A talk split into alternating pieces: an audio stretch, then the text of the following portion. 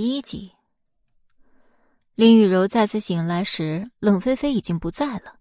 她头疼欲裂，开始寻找自己的手机，终于在床底下找到被遗落的手机。她拨打冷菲菲的号码：“我刚醒，菲菲，你去哪儿了？我现在在楼下呢。你也快洗漱一下，下来吃早饭吧。”“那好吧，你等我几分钟，我马上来。”冷菲菲点点头，便挂断了电话，继续吃自己的早餐。女人说的几分钟，通常都要半个小时以上才能收拾完。冷菲菲吃完饭，又在楼下打了两把游戏，这样的浪费时间情况下，林雨柔才缓缓出现在自己面前。林雨柔看着冷菲菲今天的样子，比昨天死气沉沉的样子好多了，就拿昨天的事儿打趣儿她：“菲菲啊。”你喜欢齐军就要上啊，男人嘛，你主动点总归没错。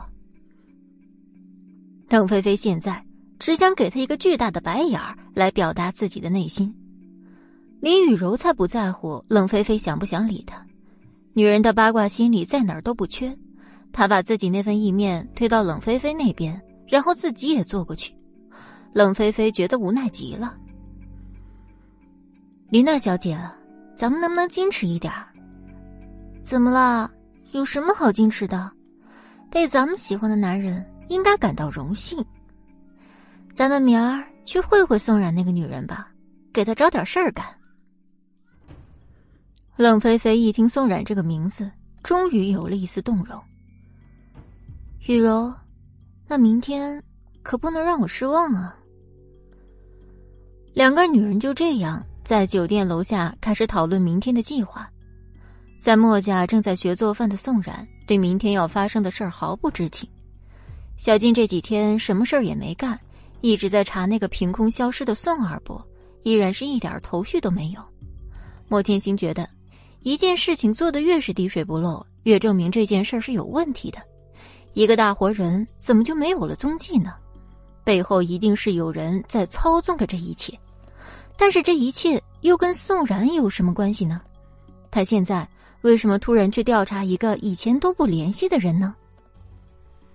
第二天很快就来了，宋冉和往常一样做着自己的事儿，感觉自己自从小鱼被绑架的事情出现后，就再也没有见过那三个小朋友。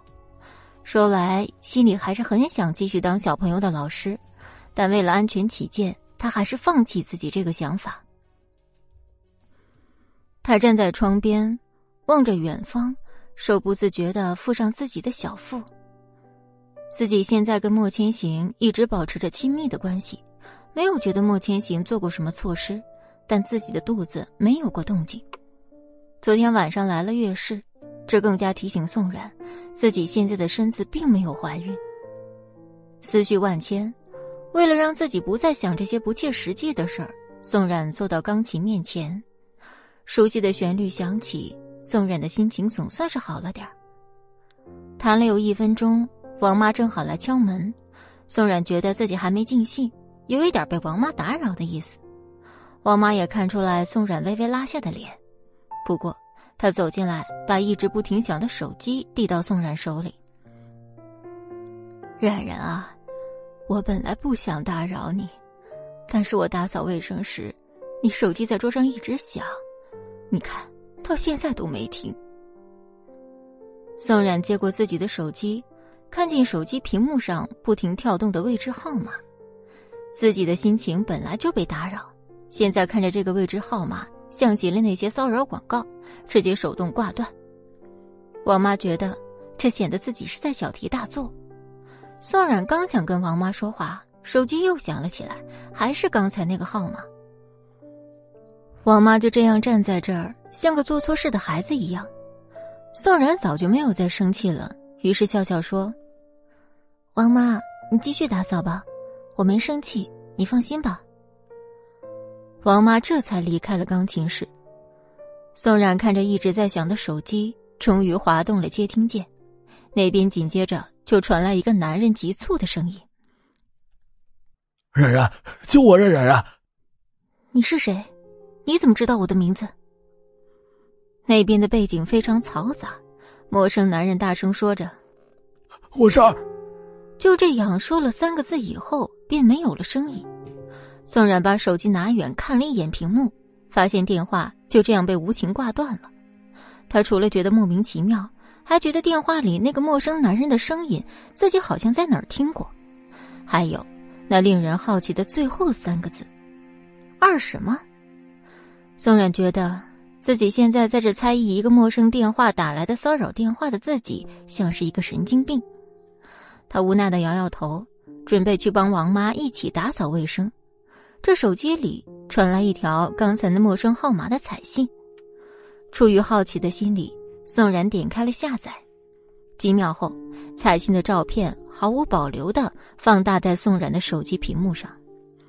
宋冉一愣，手机直接摔到地上。他又赶紧把手机从地上捡起，摁开屏幕以后，盯着那唯一的图片看了好几分钟。这个世界就是那么的小，自己苦苦寻找了那么多天的宋二伯一直没有任何进展，但现在这通陌生来电又给了他直接的希望。图片上的宋二伯已经被人打得不成样子，宋冉觉得自己真是太笨了。刚才电话里面最后一句没说完的话，应该就是二伯。宋冉怎么就没听出来宋二伯的声音呢？没有时间让他在这后悔刚才的过失，宋然打开通讯录，把刚才的陌生号码回拨了过去。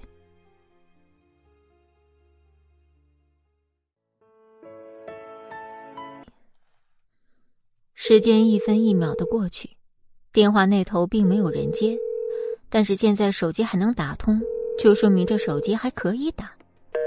在嘟嘟嘟挂断一遍的情况下，宋冉咬了咬嘴唇。又把电话拨过去，宋冉在心里面祈祷，这次可以有人接。终于，在快到自动挂断的前几秒，手机被人接通了。喂。手机那头传来特别粗犷的声音，这根本不可能是刚才的宋二伯。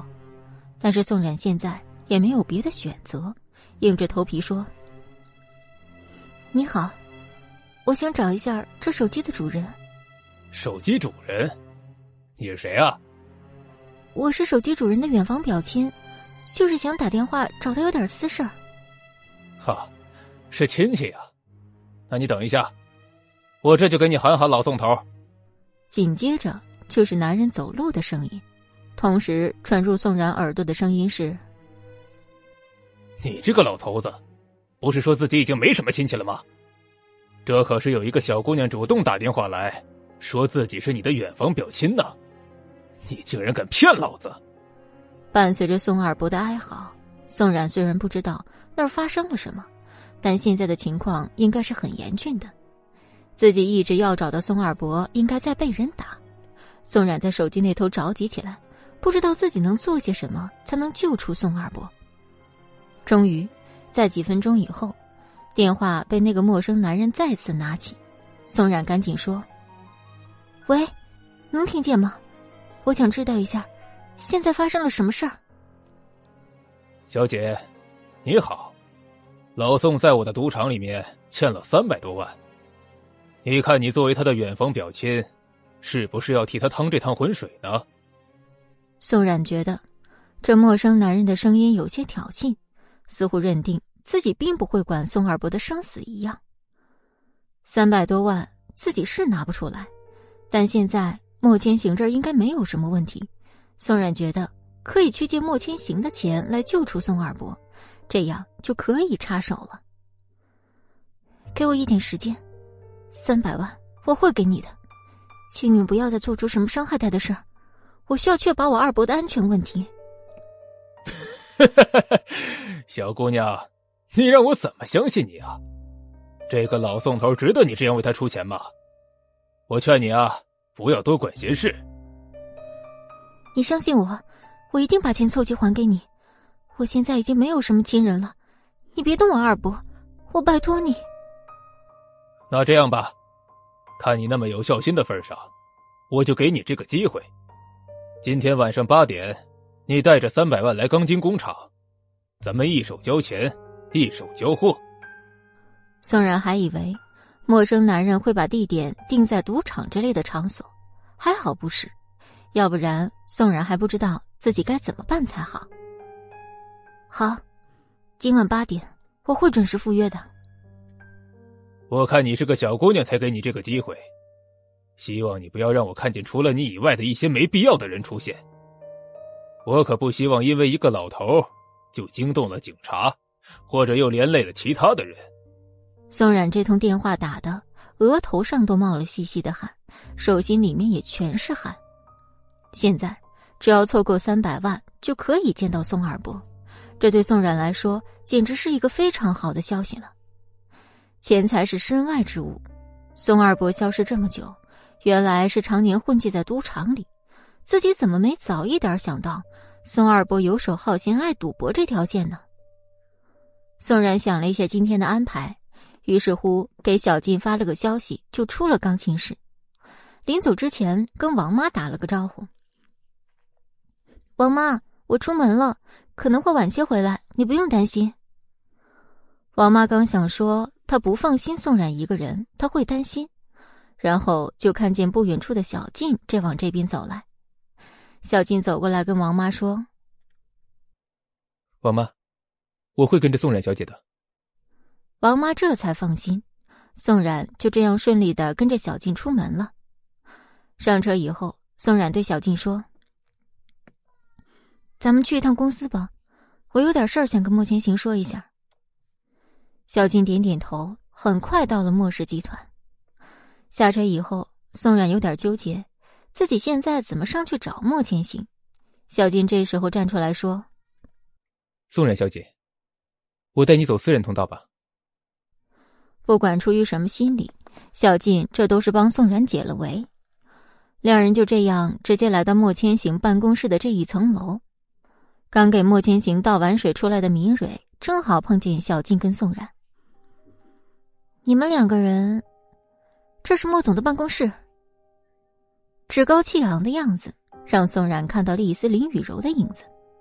小静丝毫没有在意面前这个说话的女人，对宋冉说：“前面就是莫总办公室了，你可以直接进去。”就这样，小静带着宋冉进了莫千行的办公室。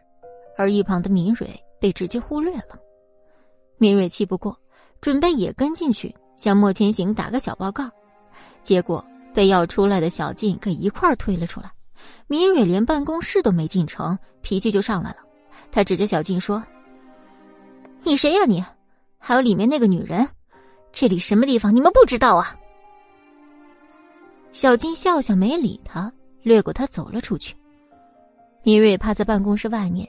想着听点什么，或者能看见点什么不可告人的事儿，结果只能说办公室的玻璃和门做的可真好，啥也看不见，啥也听不见。宋冉一进来还有些局促，但莫千行就只是抬头看了一眼他和小静，便继续工作。宋冉不知道为什么，觉得莫千行知道自己会来一样，没有一点惊喜的样子。小静把他领进来以后，自己就又出去了。现在，偌大的办公室里只有他跟莫千行两个人，除了莫千行翻动文件的声音，周围其他都安静的不像话。宋然也没有继续傻站着。现在莫千行是在工作，自己肯定也不会傻了吧唧的去打扰他。自己靠在窗边的位置坐下，在那儿无聊的翻着时尚杂志消磨时间。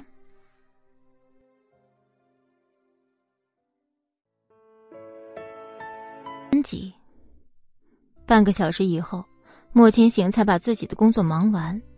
他抬头看到坐在窗边的宋冉，阳光随意的打在宋冉身上，像是给他身上镀了一层金光。他慵懒的坐姿证明了他一定没有好好看手里的杂志。果不其然，莫千行走过去，低头就看见宋冉这个小机灵鬼正在拿着杂志挡阳光玩手机。宋冉在玩什么？嗯，从头顶传来的声音让宋冉吓得一个激灵，他有一瞬间感觉像是以前自己上课偷偷走神儿被老师抓包的那种感觉。莫千行看着宋冉呆呆的样子，忍不住笑出了声。宋冉觉得自己被嘲笑了，赶紧理了理自己的头发，放下手机站了起来，理直气壮的对莫千行说：“我哪儿干什么了？我这不是在等你吗？莫大总裁那么忙，我等你等的都快睡着了。好了，不闹了，来公司找我有什么事情吗？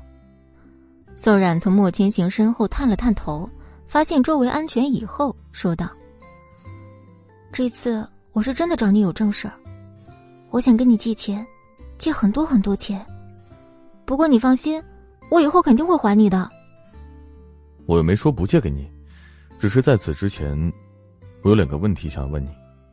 两个问题，才两个而已。莫总，请问，我绝对一切如实回答。”第一是你要钱干什么？第二，为什么只有借钱才来找我？嗯，我可以不说吗？我不想跟你撒谎，但我觉得你又不会想知道真相。我希望你对我是坦诚的，我不需要你再出事。宋冉觉得莫千行现在一天比一天温柔了，已经很久没有发脾气了。也许今天这件事儿就是一个可以解开他们两家恩怨的好契机。他看着莫千行的眼睛，决定勇敢迈出这一步。莫千行，我二伯在赌场里欠了三百多万，我想救他。他以前和我们家关系不好，我们家落败那段时间，他不知道为了什么进了监狱，我顾不上他，慢慢就失了联系。最近我又在打听他的监狱所在地，可是发现，被判无期徒刑的他竟然被人保释出狱了。这些事情对于莫千行来说并不是最重要的，因为小静查出来的比宋冉现在说的还要详细。你坐着就好，我再接着跟你讲。孙二伯应该是当年事情的知情人，我想这是一次证明我父亲清白最好的机会。莫千行，我相信我父亲一定不是杀害你父亲的凶手。宋冉，够了，你不要再说了。我并不想听你说什么清白不什么不清白的，现在事情已经发生了，你非要去证明你父亲的清白吗？他就是杀害我父母的凶手，还有，你是替他们赎罪。莫千行，我不允许你这样说我爸爸，他不会做出这样的事，我一定可以证明他的清白，请你给我一个机会。不要再说了，我的耐心是有限度的，宋然，你今天就不该来。现在闹成这样，你开心了？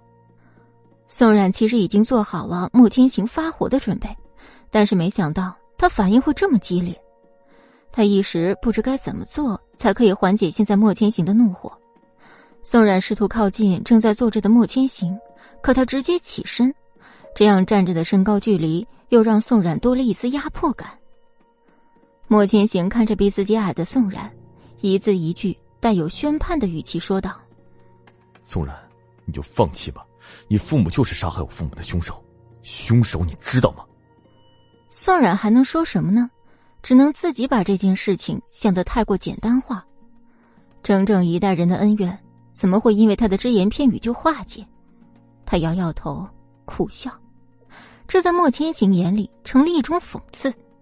他用力握住宋冉的肩膀，咬牙切齿的说道：“宋冉。”你别给我摆出这个死样子，你就是我莫千行的一个情妇，别太把自己当回事儿了。又是情妇这种让宋冉一瞬间就能被击垮的词汇，眼泪已经在眼眶里打转。宋冉觉得自己在莫千行这真是太自不量力了。莫千行总觉得自己脾气上来的太快，看见宋冉就控制不住自己说一些难听的话，为了缓和自己的情绪。他转身对着窗外，不去看宋冉这楚楚可怜的样子。宋冉的身子刚才止不住的颤抖，现在莫千行把身子转过去，他应该庆幸才对。但是他的眼泪不受控制就流了出来，把自己的眼泪擦干，整理好自己的心情。哪怕是现在这种情况，宋冉觉得自己并不能忘记自己来这儿的初衷是借钱。只是看着莫千行的背影，他却怎么都张不开这个嘴。他现在就像一只垂头丧气的小兔子，百兽之王现在不说话，就是在给他留面子。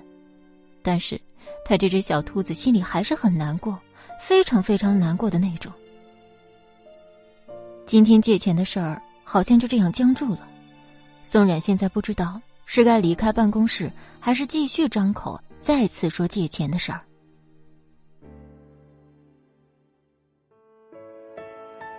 十四集，莫千行心中的怒火迟迟没有消散，并没有打算理会站在自己身后的宋然。宋然转身看了一眼办公室门口，自己现在一旦离开了，这就意味着自己拿不到钱，救不了二伯。他不甘心，好不容易找到的线索就这样断掉，于是宋然还是决定跟莫千行说话。三百万，莫千行，我只想要三百万。莫千行没想到，宋冉经过刚才这一闹，竟然还敢提钱的事儿。果然是他最近把他惯坏了。他转身走到宋冉面前，用手指捏住他消瘦的下巴，不屑的口吻说着。宋冉，你有什么资格问我借钱啊？是不是我真的太纵容你了？宋冉再次开口了。莫千行这个样子，他再熟悉不过。他仿佛回到了要签卖身契合约那天。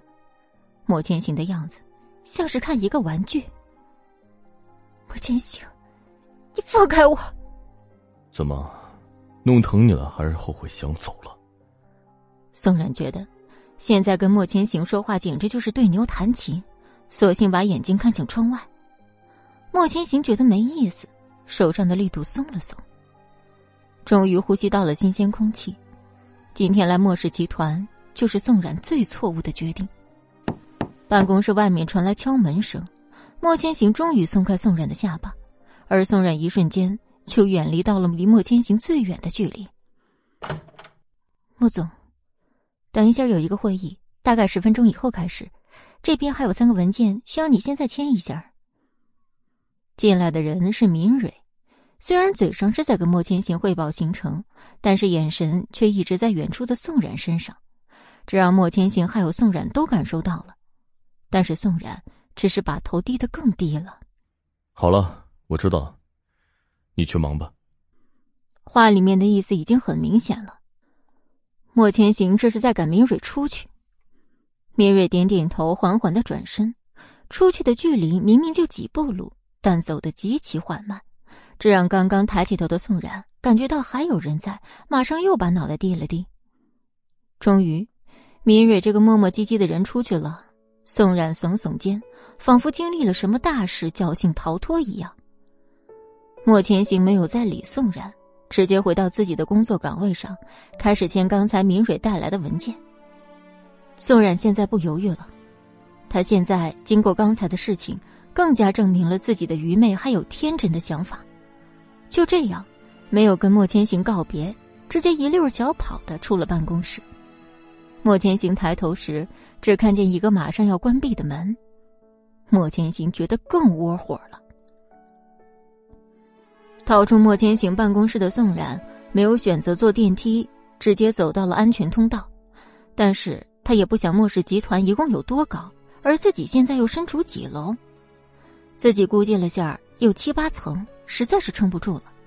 这时，手机在空荡的楼梯间响起，他吓了一跳，拿出来一看是小静，他赶紧接电话，不等那边说话，自己就先说话了：“小静。”我现在在楼梯间，已经下了快十层了吧，可依然没到一楼。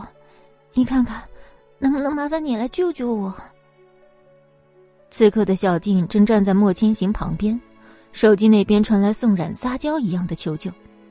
小静现在不知道应该如何回答宋冉，同时才不会惹怒近在跟前的莫千行。宋冉刚跑出去，莫千行就打电话让小静来。目的是让自己给宋冉打一个电话，于是就有了现在的对话。而莫千行心里又非常担心宋冉，所以找了小静来打这通电话。也幸好打了这通，要不然宋然傻乎乎的走楼梯，可是要走到二十九层才能到一楼。莫千行示意小静说话，于是小静只好说：“那个，你先休息一会儿。你现在到几楼了？要不要我去接你？”好，那你快来接我吧。我告诉你，你可千万别告诉莫千行我这个狼狈的样子。我现在到二十楼了，太累了，你偷偷来接我吧。莫千行听见宋冉的话后，皱了皱眉头，心想：刚才在吵架时不是生龙活虎吗？怎么现在下个楼梯就不告诉他了？小静一看情况不妙，莫总，我去看看宋冉怎么样了。赶紧一溜烟的出了莫千行的办公室。莫千行本来是在明蕊出去以后，想着接下来宋冉如果能好好跟他说话，兴许自己一心软，三百万就给他了。可是发生的事儿，谁又能想得到呢？宋冉一声没吭，直接走了，这让莫千行非常恼火，同时也觉得自己对宋冉的心还是太善良，宋冉根本不领他的情。宋冉很少来公司，莫千行在办公室一边生气，一边还怕他找不到路。本来是不想管他的，但是还是给小静打了电话，谁知这个傻女人竟连电梯都没坐，傻不拉几走什么楼梯？他真不知道这楼多高吗？莫千行彻底打消了要给宋冉三百万的想法。这个傻女人除了待在自己身边，其他的时候只有被骗的份儿。不一会儿，小金给莫千行发消息说：“接到了宋冉小姐，现在已经在回家的路上了。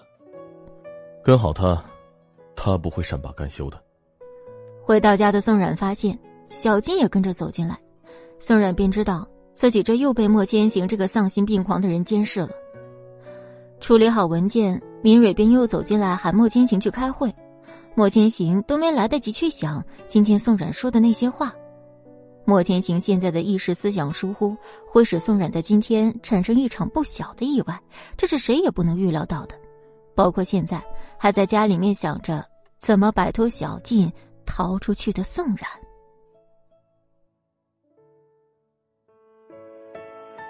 百六十五集，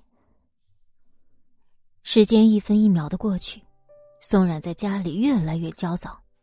一方面是钱没有错，另一方面，是自己怎么样才能在小静的眼皮子底下逃离墨家，赶往钢筋工厂。莫千行开会的时候看了看自己手表，现在已经下午三点。会议全程他黑着脸，终于在快结束时心情有所缓和。散会吧。全员解放的同时，莫千行回到自己的办公室，拿起手机给家里的座机打个电话。喂，莫总啊。接电话的人是王妈，莫千行心里有点小失望。王妈，等下我就回家了，你现在可以做饭了。今天我想吃糖醋排骨。啊啊，好的好的，那我上楼叫冉冉一起进厨房了。好，辛苦你了，王妈。在楼上钢琴室焦躁的宋冉就这样被王妈喊到了厨房，一起帮着做饭。王妈，这下午四点怎么就要做饭了？平时吃饭可没这么早。你这个傻丫头还不知道吧？莫总等下就回来了。宋冉醒到今天上午刚在莫千行办公室和他吵完架，现在又要见面。心里不禁有点担心现在自己的处境。很快，四菜一汤就做好了，正好莫千行在这时也开车回来。宋然想偷偷溜上楼，但被王妈抓了包。四个人的下午饭就这样开始了，周围都很安静，饭桌上也只有筷子跟碗碰撞的声音。宋冉哪有什么心情去吃饭？他一副心不在焉的样子。王妈还以为是自己做的饭不好吃，于是看着宋冉说：“冉冉啊，怎么了？今天做的饭菜不合胃口吗？”没等宋冉回答，莫千行就说话了：“你不用管他。”宋冉听见莫千行的话就更生气了，直接起身离开了餐桌。心情实在太差的宋冉来到院子里面透气，他实在是太无聊了。随便看向周围，发现这次因为莫参行在家，并没有人跟着自己。宋冉这时有了一个大胆的想法。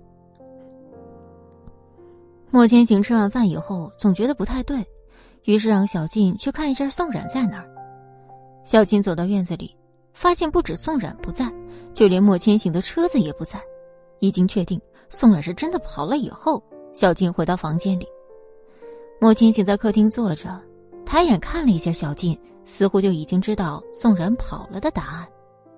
随他去吧，这次我不会管他的。莫千行说的这个话，不知道算是自己的自言自语，还是说给小静听的。自己直接上楼。偌大的房间里，只剩下小静一个人在呆萌的状态中凌乱。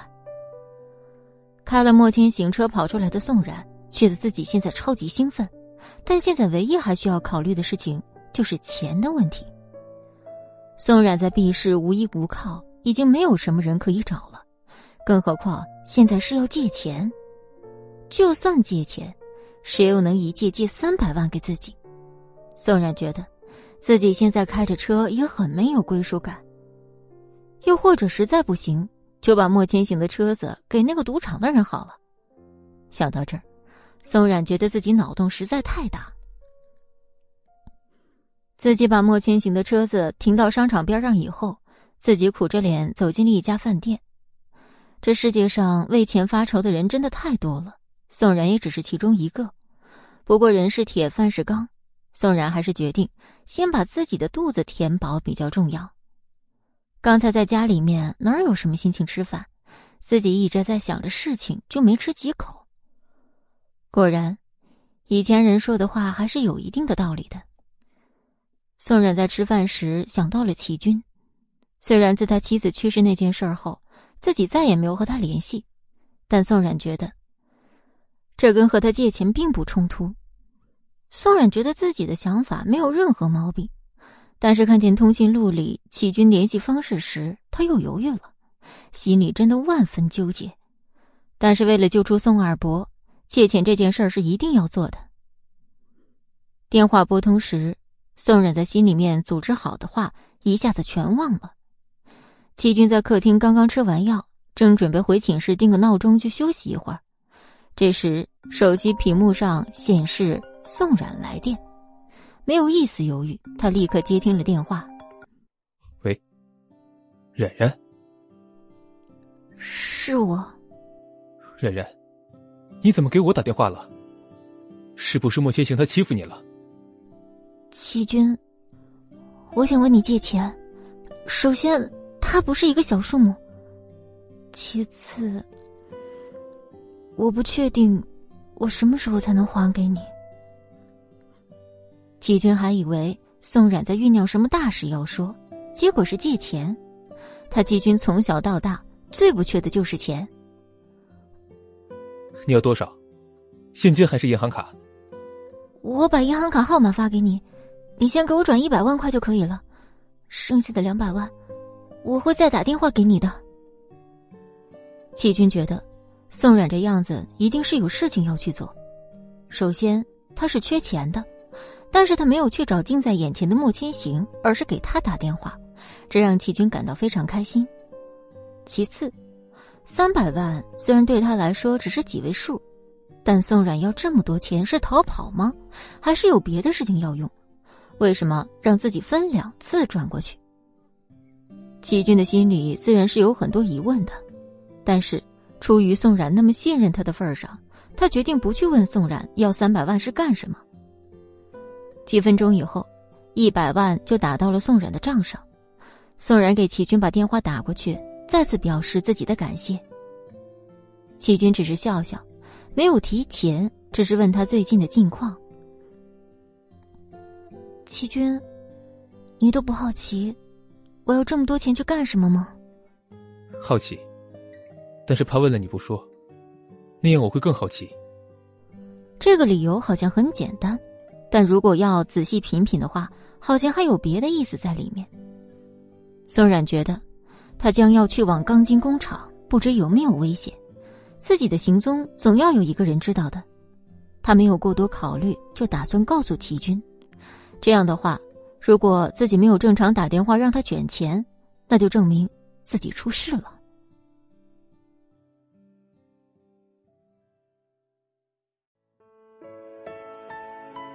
第三百六十六集，齐军再三叮嘱了宋冉，自己千万注意安全。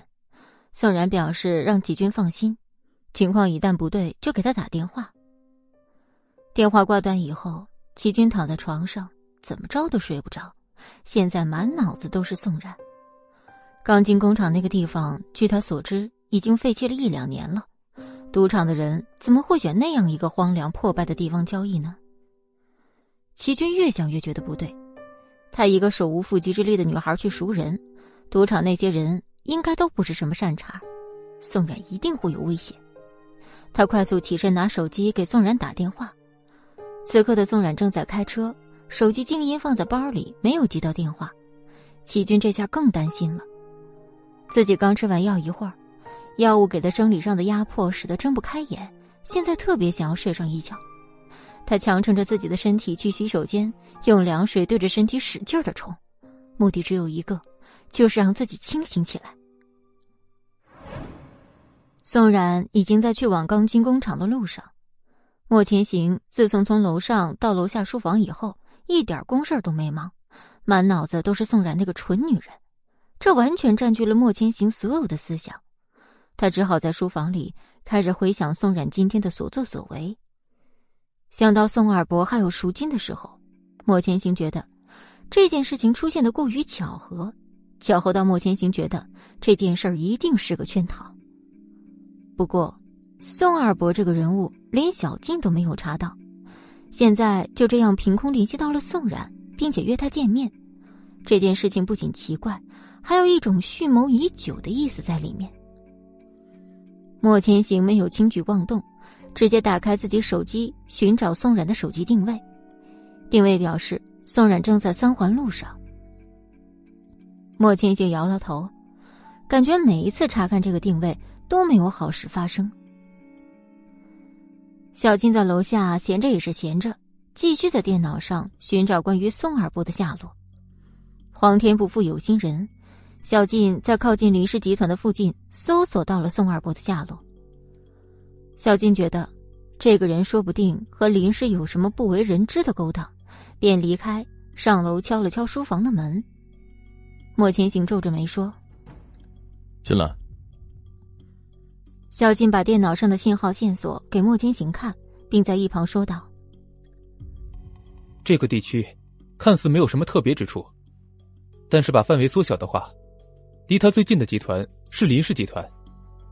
这样一来。”这个宋二伯的出现，就是绝非偶然了。一语惊醒梦中人，莫千行看了看时间，现在已经快七点了。如果这个宋二伯和林氏勾搭上来的话，那肯定也不是一天两天的事儿。还真没想到，这宋家的人和林氏在背地里竟有勾结。宋冉今天要去赎的人，不就是宋二伯吗？那不管宋冉凑没凑到钱，只要是去了，就一定会有危险。想到这儿，莫千行马上让小静查了宋冉的账号。这事儿还是很简单的，不到一分钟，小静就查到了。但是他犹豫了，不知道该怎么告诉莫千行自己所看到的东西。莫千行看出小静有一丝不对劲儿，直接把电脑转到自己这边。屏幕上，宋冉的账号显示，启军给他转了一百万。除了启军以外。莫千行根本想不到这世界上还有第二个人能给宋冉转钱。想到这儿，莫千行的脸又黑了几分。电脑被大力关上。莫千行没有再说话。小静不知道自己该怎么办，默默的退出了书房。莫千行现在一点想要去救宋冉的想法都没有了，哪怕现在已经猜到十有八九是林氏在搞鬼。但是自己也不愿意出面去救这个不知好歹还跟齐军联系的蠢女人。宋然赶到钢筋工厂时，才看到手机上齐军打来的电话，自己开始打量眼前这个有点破旧的大楼，他还以为是导航导出了错，自己想象的钢琴工厂应该是非常大的厂子，结果面前是一栋很高的废弃大楼。宋冉一边拨了齐军的号码。一边小心的向里面走。有人在吗？宋冉觉得，自己现在在这栋楼里面说话有很强的回音，心里不禁有些忐忑，有了一丝不好的预感。穿过了一个房间，宋冉终于看见除自己以外的活人，而且是好几个魁梧的壮汉，把刚刚接通的手机悄悄放进自己口袋。然后走进了这个有人的房间。你就是老宋的远房表亲。为首的那个男人，应该就是给自己打电话那个赌场的人。我是，我二伯呢？咱们可说好了，一手交钱，一手交货。旁边一个瘦子开口说：“你这个女人怎么跟我大哥说话呢？”宋冉没有说话，只是看着他们几个人有什么下一步的动作。为首的那个男人走近宋冉，宋冉赶紧后退几步，想跟他们保持一个安全距离。钱我已经带来了，你们把我二伯怎么样了？后面的几个小弟直接笑出了声。宋冉现在才觉得不对劲儿。为首那个男人露出自己的大黄牙，笑的样子更是让宋冉隐隐不安起来。齐军在手机那边听得不是很清楚，但他知道宋冉遇到危险了。他把自己的备用药装在身上，急匆匆就开车往钢筋工厂。手机一直保持通话中，宋冉的心稍微有了一点安慰。宋冉看着自己距离几个男人又缩短了，这时另一个房间的门被推开。老六，我让你做个事儿，怎么这么磨叽啊？为首靠近自己的男人转身向那个门那儿走过去。为首的这个人应该就是老六，这声音太熟悉了，除了林雨柔，宋然想不到第二个人。门被推开的时候，更加证实了宋冉心中的想法：宋冉这次真的中计了。好久不见啊，宋冉小姐。宋冉看见林雨柔时已经很惊讶，这声音一出来，宋冉只觉毛骨悚然。林雨柔旁边这个女生，就是那晚和薇婉一起绑架小鱼的人，更是在薇婉去世之后诬陷莫千行是杀人凶手的证人。这声音，宋冉这辈子都不会忘，所以绝对没错。宋冉，你盯着菲菲看什么呀？自己死到临头还不赶紧求饶？林雨柔的声音一出，那么的刺耳，宋冉倒是坦然了。现在在场都是老熟人儿，并且还收获了一个新的消息，那就是林雨柔旁边那个女人。宋然想着，只要自己在这多拖延一点时间，那么齐军一定会来救自己。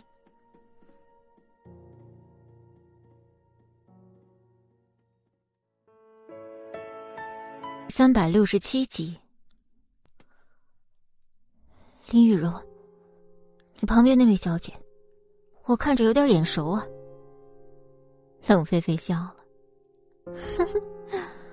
宋冉小姐说笑了，我是雨柔的朋友，今天就是来看看什么样不要脸的女人勾引雨柔喜欢的男人。看见你之后，我觉得也不过如此吗？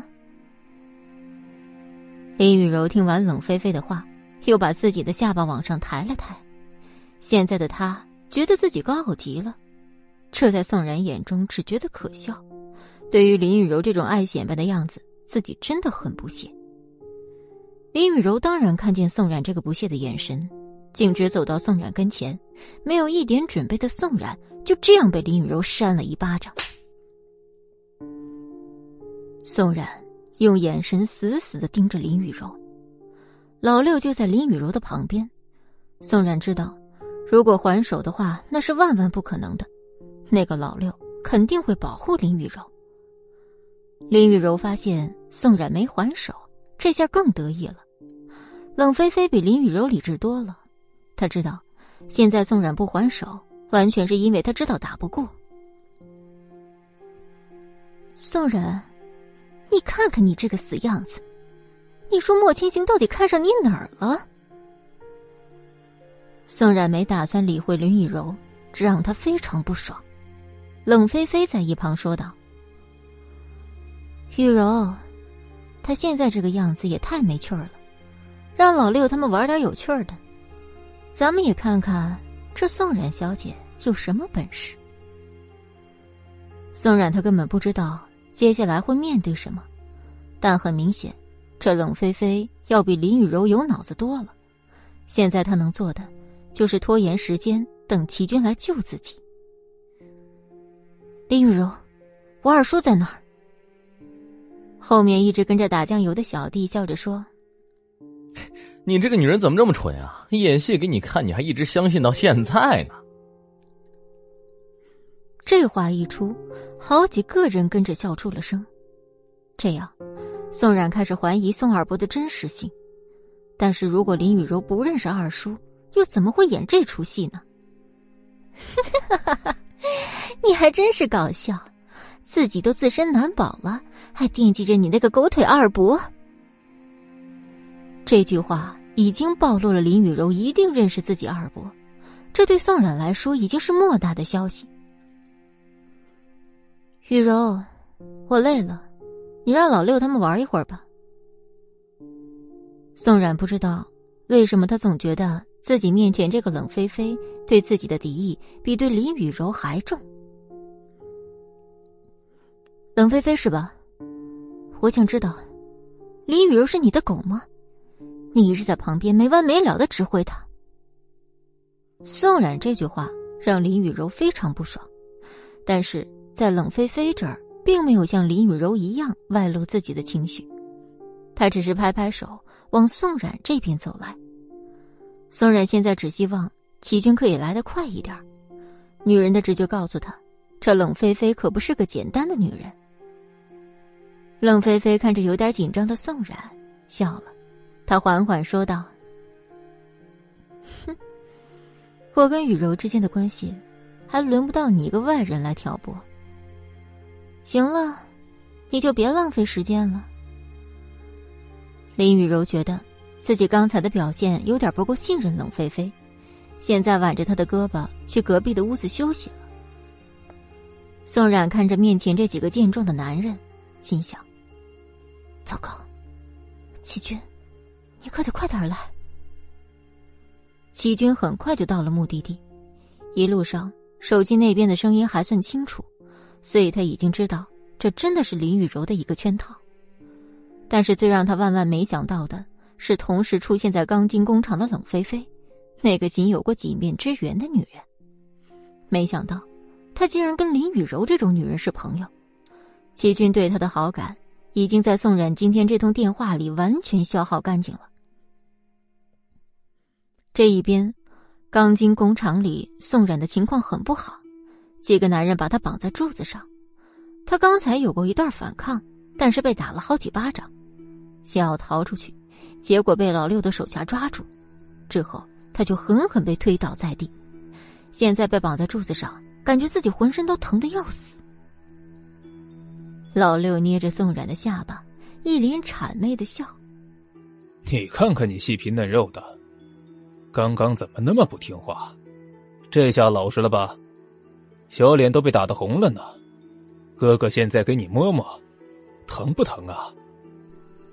宋冉的身子气得都在颤抖，现在这种情况已经完全出乎自己的意料，只求齐军赶快来。自己不想让老六靠过来，结果老六又给了他几巴掌。闹腾什么？你给我老实点小姑娘不要怕哦，哥哥打疼你了吧？我现在给你吹吹，你看哥哥对你那么好，等下脱了衣服可要乖一点儿。老六用他的手抚摸着宋冉颤抖的身子，手慢慢向下移动，几个手下正兴奋着。这时，门被大力推开。放开你的脏手！老六和他的手下被吓了一跳。宋冉听见熟悉的声音，有一瞬间还以为是莫千行来了，但是他抬头看到的是齐军的身影。自己的脸现在已经肿了，但是。还是抬头给齐军一个微笑，仿佛是在告诉他自己现在还好。宋冉的衣服已经很脏，还有那乱七八糟的头发，这在齐军眼里看起来很是心疼。齐军把眼神再次看向一旁的几个男人：“谁让你们动他的？”在隔壁房间玩手机的林雨柔和冷菲菲，忽然听见门被推开的声音，还有一个男人的声音，想起来。冷菲菲明显愣了下，这声音她很熟悉，她现在有些不敢出去确认，心里已经想到来的人是谁，而林雨柔则是皱皱眉头，推门走出去。我猜是谁来英雄救美呢？怎么又是你啊？齐少爷，我们又见面了。林雨柔的声音传到屋里冷菲菲的耳朵里，自己现在更加不知道自己该不该出去。老六看见林雨柔出来，自己自然就跟小弟们退到一边。齐军邪魅一笑，走进林雨柔，微微鞠了一躬，说：“林小姐，几天不见，你又漂亮了。”哼，大家都是熟人了，别跟我整这些虚的。齐少爷怎么来这儿了？可别跟我说，你是碰巧来到这儿的。林小姐说笑了。我怎么可能碰巧来这个破地方啊？林雨柔就这样看着齐军慢慢的走向宋冉，给他松绑，也没有阻止。齐军的眼睛一直盯着宋冉，眼睛里面充满了心疼。宋冉可没有空叙旧，他赶紧活动一下自己被捆绑的筋骨。林雨柔拍着巴掌：“齐少爷，你这是要上演一出英雄救美啊？”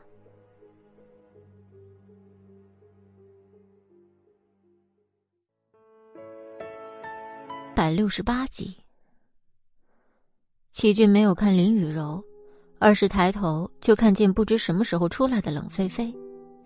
林雨柔也跟着齐俊的目光转头看向冷菲菲，他用阴阳怪气的声音说：“菲菲，你看见了吗？宋冉这个女人厉害的很，现在连齐家少爷都为她着迷呢。宋冉，你可真会勾引男人。”冷菲菲现在的脸色不是很好，林雨柔说的话句句戳在她的心里。齐军对宋冉的那种眼神，还有对他轻柔的动作，这是他想要的。现在，齐军通通给了宋冉那个不知好歹的女人。好久不见，冷小姐。冷菲菲之前想过种种，自己在跟齐军见面会是怎样的情形，但现在这种情况也是自己没有预料的。齐军现在与其说在跟他打招呼，还不如说是在讽刺冷菲菲。齐军，你现在走吧，这件事儿，你不应该插手的。冷菲菲只是想教训宋冉，但是并不想让齐军看见自己这副不好的样子。林雨柔听见冷菲菲说的话不乐意了，她走到冷菲菲身边，拉她过来说：“怎么啦？”来了就是客呀，咱们怎么能让齐少爷这样白白走了呢？冷菲菲皱皱眉，有时候林雨柔这个女人不是很听自己的指挥，也是一种麻烦。宋冉的脸火辣辣的疼，身体也像是被车压过一样。现在的他不想和林雨柔他们僵持下去，想早点离开这个地方，于是他小心翼翼的拽了拽齐军的衣袖。齐军马上反应过来，把自己的头低一些，靠近宋然的耳朵。冷菲菲看着眼前这一幕，觉得非常的辣眼睛，自己的手紧紧握成一个拳头。宋然，这次又是一记男人的声音，大家齐齐往门口望去。墨家，莫千行在书房里莫名其妙的心烦，脑子里面一直都是宋然。可笑的是，一直定力强大的莫千行根本集中不了注意力做别的事儿，挥之不去的都是宋冉。书房实在闷得慌，推开门以后，看见楼下的小静，两人都没说话，前后脚来到外面。小静有很多话想说，他想，这个时候便是一个契机。莫总，现在已经到了宋冉小姐赴约的时间了。咱们现在去看看吧。我现在怕宋冉小姐会遇到危险。很难得的，莫千行没有反驳小静。小静看见莫千行走的方向是停车场，自己赶紧快步跟上。莫千行坐在车的后面，一路上都没有说话。小静一边开车一边偷瞄后座上的莫千行，偷偷给宋冉打了一个电话。结果发现宋冉的手机一直是占线状态，这让他有点摸不着头脑。如果真的出事儿，怎么可能手机一直占线？往好的方向想，宋冉没有出事，那就是最好的结果。唯一有一个问题就是，宋冉现在在跟谁打电话？小静忽然想到，还好莫总不知道宋冉的手机占线，不然肯定生气回家不去找宋冉了。小静有这个想法以后，自己一路上又偷偷给宋冉打了好几个电话，一直都是占线中。莫千行坐在后面又不是傻子，早在小静第一次打电话时他就看见了，自己端着架子准备偷听宋冉的电话，结果小静没有打通，一次、两次、三次，小静都没打通。莫千行又不知道宋冉的手机是占线的，所以他以为是无人接听，心里很担心宋冉的安危。终于到了钢筋工厂，一停车，莫千行就赶紧下车往里面走。这一幕被小静全部看在眼里，他知道，其实莫千行从始至终都是担心宋冉的，只不过他的骄傲不允许他说出来。可是喜欢这件事儿，就算不说出来，也会从眼睛里面跑出来。莫千行听见除了宋冉以外女人说话的声音，便更加确信宋冉在里面一定受到了伤害，心中的着急又多了一分。推开门。就看见宋冉正在齐军怀里，齐军低着头，宋冉就把脸贴在齐军的耳边。莫千行看着，就像是宋冉在吻齐军一样。自己一天都在为宋冉担心，现在看来，宋冉根本没有任何危险，自己正好好的在这跟齐军这个男人暧昧。死死盯着宋冉的莫千行已经没有功夫去看别的人。而宋冉听见自己最熟悉不过的声音从门口传过来，第一反应就是往齐军的后背缩了缩。自己的脸已经肿得很高，衣服上也是脏脏的。宋冉一点也不想让莫千行看见这么狼狈的自己。林雨柔看见进来的人是莫千行，脸上附上谄媚的笑，但莫千行从进来到现在就没看他一眼。宋冉，我给你一次机会。你现在三秒钟给我滚过来，马上！这是莫千行来到这儿说的第二句话，很显然比第一次更加生气。宋冉吓得身子都颤抖了一下，自己刚要往莫千行那边走，就被齐军拉住了手。齐军不知死活的，还摸上了宋冉的头发，轻声附在宋冉的耳边说：“冉冉，只要你不愿意的事情，就可以不用去做。”这个世界上没有人可以去强迫你，包括那个莫千行。宋冉知道齐军是在为他好，但是他知道莫千行现在真的生气了。如果自己现在不过去，那后果更加严重，指不定莫千行会做出什么过激的行为。自己的妈妈现在还在他手里，所以宋冉不管是愿不愿意，他最后都必须回到莫千行的身边。宋冉对齐军摇摇头。把他的手松开，自己走向了莫千行。莫千行这才看到，宋然的脸还有已经擦伤的胳膊，裤子也是脏兮兮，有血丝渗透出来。虽然三秒之内没过来，但莫千行也没再对着宋冉发脾气。莫千行的目光终于从宋冉身上离开，瞥了一眼旁边几个无关紧要的小喽啰，说道：“说说吧，是你们哪只手碰了这个女人？”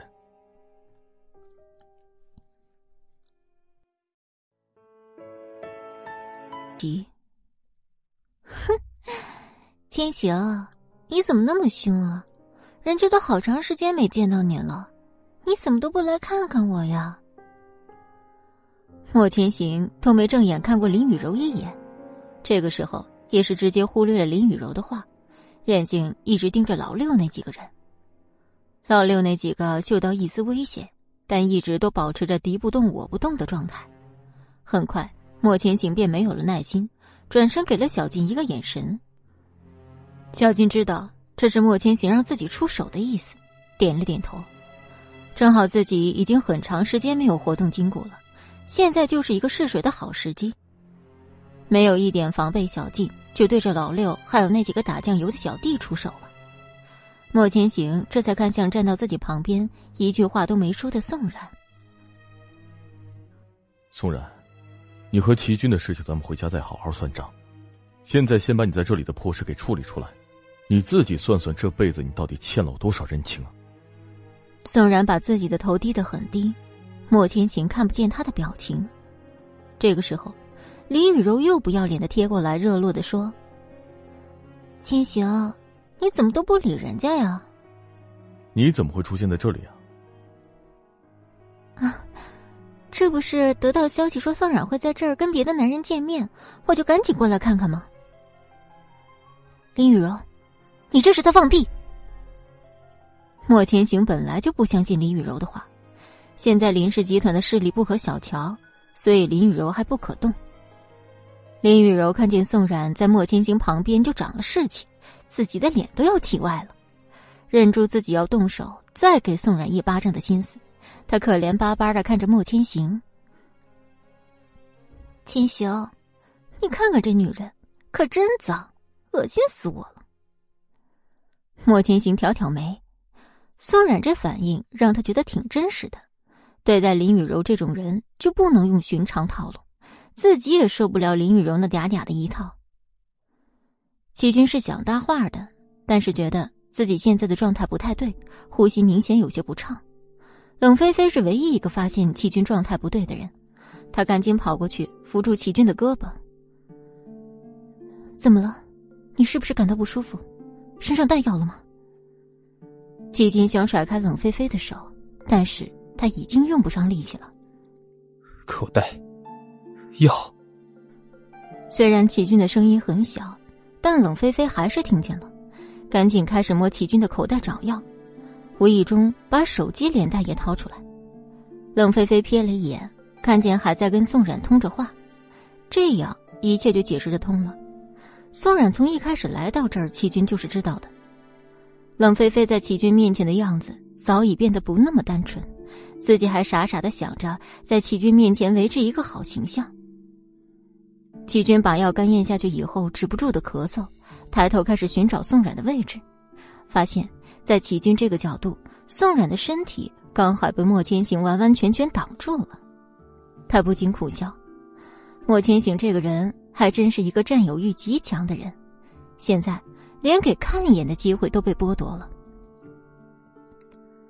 冷菲菲顺着齐军的目光看过去，自己也露出了和齐军差不多样子的表情，不知道算不算得上是自言自语。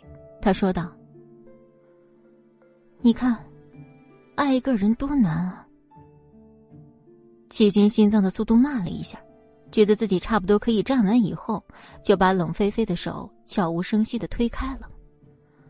冷菲菲看着自己的手，还有齐军保持的安全距离，觉得自己现在所做的一切真的很可笑。小金已经把在场几个臭鱼烂虾收拾的差不多。老六冲林雨柔这边跑过来，被打了好几拳的脸已经肿得老高，嘴里含糊不清的说着：“林小姐。”小姐，救救我们呀！林雨柔看着老六这样，嫌弃的不得了，自己赶紧往后撤撤。老六一看情况不对，找林雨柔已经没有用了，就赶紧跑到冷菲菲那边。救命啊，小姐！我和我兄弟也是拿钱办事，不想惹是生非呀。关我什么事儿？你们现在跑了不就行了？老六但是想走，可林雨柔还没付完剩下的二十万。被小金打得晕头转向，现在想走也走不了。冷菲菲向来就是一个以自己为重的女人，老六这群人在她看来就是拿钱办事儿，至于他们的死活与她并没有关系。齐军再次刷新了对冷菲菲这个女人的认知。老六听完冷菲菲的话，已经知道自己没有退路了，现在已经完全被生气冲昏了头脑，看着这四周的一切。本来自己跟小弟们可以过上更好的生活，就因为第一个男人的出现，然后又来了两个男人，把自己跟弟兄打成现在这个模样。说时迟，那时快，老六不知从哪儿掏出自己藏的匕首，刺向站在一旁的齐军。冷菲菲没有一丝犹豫就抱上了齐军，老六的匕首就这样插进了冷菲菲的身体。啊！我不是要杀你啊！所有人的目光聚集到这儿，莫千行给了老六一脚。齐军看着莫千行说：“救护车，快！救护车呀！齐军这才看清楚，被刀捅的人是冷菲菲。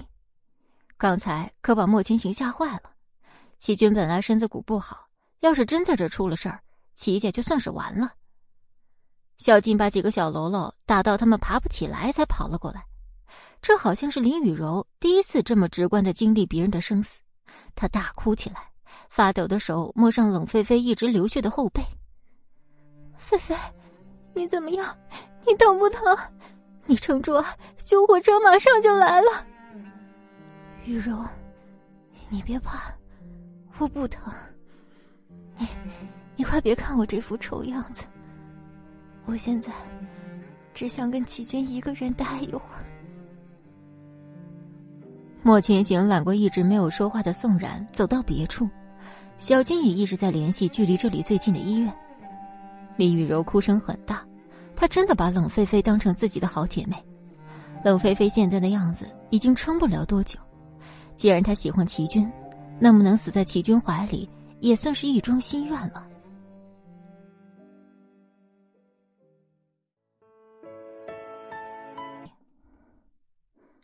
大家很快就都去了各个地方，现在冷菲菲的周围就只有齐军一个人了。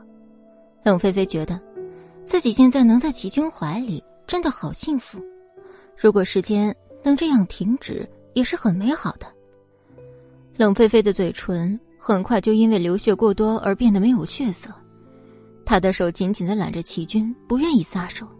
齐军的身子也是颤抖的。冷菲菲挤出一个微笑说。齐军，你别害怕，我是不会让坏人伤害到你的。我没事儿，你看，我这不是好好的吗？对，你没事，你好好的呢。冷菲菲，你可千万别睡着了。齐军，我是真的很喜欢你。这件事情要从很久很久以前说起。那你说给我听好不好？你一定要坚持住啊，不然我会自责一辈子的。你不必自责。你记得吗？在五年前去国外的时候，在机场救了一个女孩，她当时可是差点被人贩子抓走了。他本来以为自己已经没有希望了，但是你救了他，给了他希望。这种小事儿，齐军早就没有印象了。他快速的搜索了一下自己脑海，自己出国那年在机场时，好像有救过一个女孩，但自己完全没有把她放在心上。毕竟当时要出国，谁又能记住一个过客？齐军摸到冷菲菲的背后，粘稠的血一直流出来，自己怎么用手都止不住。冷菲菲，你别说话了，撑住，等救护车来了，咱们把血止住，你再慢慢的说给我听好吗？谢谢你，齐军。我这一辈子最不后悔的事，就是小时候那次准备的旅行。虽然那也没去成，还差点被人贩子抓走，但是我遇见了你，我真的喜欢你很多年了。下辈子我还要喜欢你。冷菲菲，你坚持住啊！咱们这辈子还没有好好的认识呢，这辈子还有很长呢。坚持住，好不好？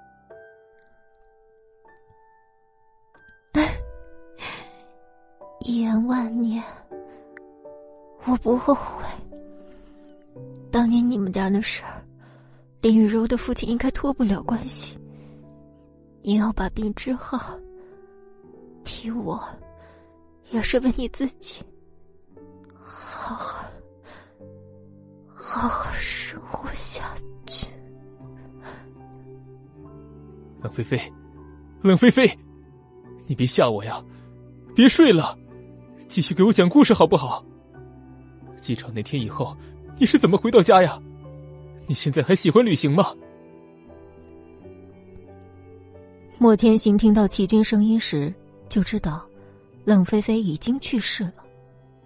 宋然眼睛里也有了泪花，他轻轻的把宋然揽过来，额头抵在宋然的脑袋上，说：“没事了，没事了。”宋冉没忍住，哭了出来。莫千行明明对他那么凶，但是自己还是会去依靠他。救护车来的时候，冷菲菲早就已经没有了生命迹象，林雨柔跟着上了救护车。齐军一直呆呆的坐在原地，自己身上沾满了冷菲菲的鲜血，也浑然不自知一样。宋冉看见齐军这个样子，很心疼，想走过去看看齐军，但是被莫千行大力拽了回去。跟我回家。齐军一个人在这儿，可以吗？宋然，你就那么喜欢齐军吗？你大可放心，他这里死不了。倒是你该想想怎么和我解释这一切。宋冉觉得真的很自责，齐军是因为自己才出了这样的事儿，但现在因为莫千行，自己也不能过去跟齐军说几句话。小静看着僵持不下的两人，及时过来解围。我已经打电话给齐家的人了，估计一会儿就会有人来接齐少爷了。宋冉小姐。你先和莫总回去吧，我去警察局，把今天这几个小虾米解决了。宋冉这下安心的跟莫千行离开了钢筋工厂。关于冷菲菲的故事，很好讲。他从小就是个叛逆的孩子，没有一点小女孩的模样。那天他突发奇想，从家里逃出来，准备来一场说走就走的旅行，但刚到机场就被人贩子盯上，自己被抓住以后，大声呼喊救命。来来往往的人都以为是小孩子在跟自己父母闹脾气，并没有人理会。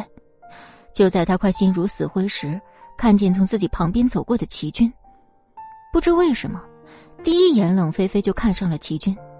他感觉这个男孩和这机场里所有人都不一样。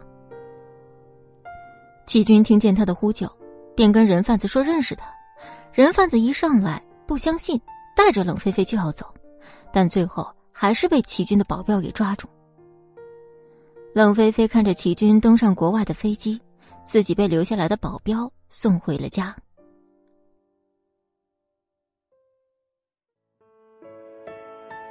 百七十一集，他到家以后，自己父母都快担心死了。保镖说了自己的身份，还有冷菲菲在机场遇到的事情之后，便走了。他的爸爸告诉他。送他回家的是齐家的少爷。说来也奇怪，那一天以后，冷菲菲不再叛逆，好好学习。这对于冷菲菲的父母来说可是好消息。齐军中间没有回过国，也没有任何消息。冷菲菲她自己一直默默的记在心里，自己默默的变成优秀的人，那么有一天就可以光明正大的再次出现在齐军的身边。冷菲菲就这样一年又一年，默默的喜欢了齐军那么多年。说到底，还是齐军改变了冷菲菲的一生。但现在，已经没有机会把以前的事情讲给齐军听了。齐军就这样在原地坐着，他保持着冷菲菲还在他怀里的姿势。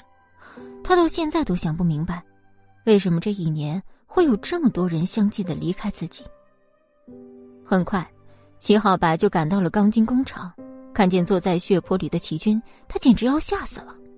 没事吧，少爷？目光呆滞的齐军看看自己手上的血，颤抖的声音响起：“齐浩白，是不是和我接触的人都会死掉啊？我就是一个累赘，都是因为我，所以你们的生活才会被改变，是吗？”齐浩白是接到莫千行司机电话赶来的。并不知道现场发生了什么事儿。魏万才去世多长时间？现在齐军又搞得一身是血，估计又是一桩命案。少爷，你别多想，咱们先回去吧。齐总还在家里面等你呢。你看看我现在这个样子，怎么去见祁连松啊？祁军低头看着自己满身是血的鞋子，心情复杂。祁军啊，你该长大了，没有人能一直保护你的，包括祁总。魏万安去世以后，你就失去了仅剩不多的颜色。现在呢，祁军，你该醒醒了。祁军蹲下，抱着自己的头。对于齐浩白刚才的话，其实他现在脑子里都是冷菲菲死之前对他说过的。冷菲菲已经去世了，魏万去世的时候，自己还没有这么大的罪恶感。现在冷菲菲完全是为了自己而死，自己现在。再也没有理由不好好活下去。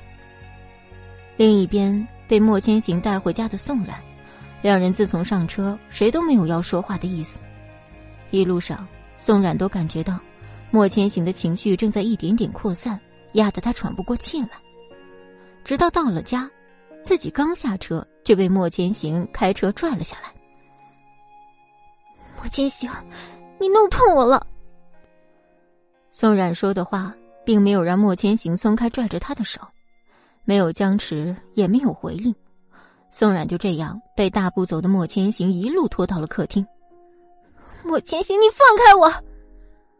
宋冉现在的脸还是肿的，手被莫千行拽着，连他的胳膊也更加的疼了。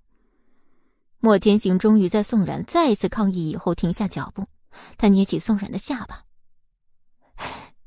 莫千行，你放开我！”别太过分了！被捏着不得不抬起头跟莫千行对视的宋冉，充满了要战斗的样子。这样看在莫千行眼里，简直可笑至极。宋冉，你在这装什么装啊？你和齐军脸贴脸的时候，怎么没见你这样大喊大叫说弄疼你了？宋然，你不是挺会躲的吗？现在没有齐军站在你面前，我倒要看你还能往哪里躲。莫千行，你有病吧？我什么时候贴齐军的脸了？还有，还有什么躲不躲的？当时不是你想的那样。我说过，我不想再从你宋然的嘴里听见“齐军”这两个字儿。还有，你不需要任何的解释，你宋然只是我莫千行养的一个情妇而已。不知道，是不是看宋然脸上的伤，莫千行心疼了，他松开拽着宋然下巴的手。宋然感觉整个人终于活了过来。莫千行，咱们非要这样兵戎相见吗？兵戎相见，宋然，你知道这个成语是什么意思吗？你就乱用。宋冉明显愣了下，莫千行没有再说话，直接转身上了楼。宋冉心想：兵戎相见，不就是指武力相见吗？莫千行刚才那么用力的捏自己的下巴，不算是使用暴力解决问题吗？自己的脑子一下转不过来。不过明明自己才是受害者，现在莫千行这个罪人自己大摇大摆的上楼了，宋然也不甘示弱的上楼了，大力的关上自己客卧的房门，以示自己的愤怒。莫千行在书房，自然把外面的动静听得清清楚楚，自己还想不通。宋冉这是什么意思？明明在外面沾花惹草的人是宋冉，现在还在这甩开自己的小脾气了。莫千行越想越觉得，自己没有一点错，倒是宋冉这个女人越来越不知好歹。钢筋工厂内，启军不知道已经过了多长时间，反正现在他自己的腿麻的都快动不了了，这才缓缓抬头。发现周围已经没有了齐浩白的身影，自己颤颤巍巍的站起来。齐军先把自己外套脱掉，看着自己的手，实在是有些嫌弃。拿起自己刚才扔掉的外套，把自己手上的血擦了个七七八八，心情总算是好一些。随后看见自己的裤子还有鞋子都不多不少的沾了血迹后，自己也只能无奈的摇摇头。他做了个深呼吸以后。看着周围的一切，其实没有什么变化，只不过在自己坐过的那个地方，有一滩血还没干，还在固执着证明着，刚才有个人真实的在这儿去世了。齐军抱着头蹲着的时候，心里已经想的差不多了，他大方的微笑着向那滩血迹摆摆手，就像是在跟死去的冷菲菲告别。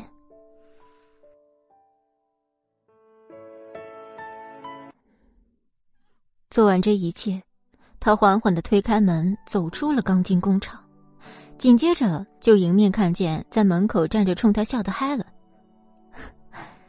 齐军，我在这等你很久了，我不管，你等下要请我吃饭作为补偿。海伦小姐，你看我现在这个样子，你难道没有什么想要问的事情吗？现在这张脸还能看？齐军耸耸肩，松开海伦的肩膀，走向海伦的车子。海伦看见齐军这消瘦的背影，很是心疼，整理了一下自己的心情，也跟着走过去。两人上车以后，齐军还是很疑惑：“你怎么会出现在这里啊？”这有什么好疑问的？毕氏还有我海伦找不到的人吗？那你再帮我查一个人吧，宋冉的二伯。我怀疑这个人现在和林氏有联系，我需要找到他。宋冉的二伯，那这件事儿就为了宋冉，还是为了你自己？我明白，最终宋冉的女人还是把你吸引到了。齐军，其实我真的好奇。那女人到底哪有什么人格魅力啊？海伦知道，齐军一直都喜欢那个叫宋然的女人，但是没想到，在经历了这么多事情以后，他还是惦记着宋然。齐军把车窗摇下，把自己没擦干净的手伸到车窗外，感受着自己的手和风机掌。他很普通，但是又很特别，就像是我心里迷雾中的一道光。曾经的我，有好几次都放开了他的手，我都错过了。但是现在，我想试试能不能抓住他。我想这次，我会用尽全力去做这件事情的。唐二伯这个人，我会尽量帮你找到。现在你来说说，今天发生了什么？最后，你弄成了这副血淋淋的样子。今天宋冉被林雨柔下套，来到钢筋工厂救他的二伯。等我赶到以后，现场发生了一些不可控的意外。最后就是有一个女人替我挡刀，然后死了。齐军，答应我，你要好好活下去好吗？我不阻止你去喜欢那个宋冉，但你不可以拿自己的生命冒险。今天冷菲菲去世以前，也是要我好好的活下去。海伦，现在你也在说这种话了。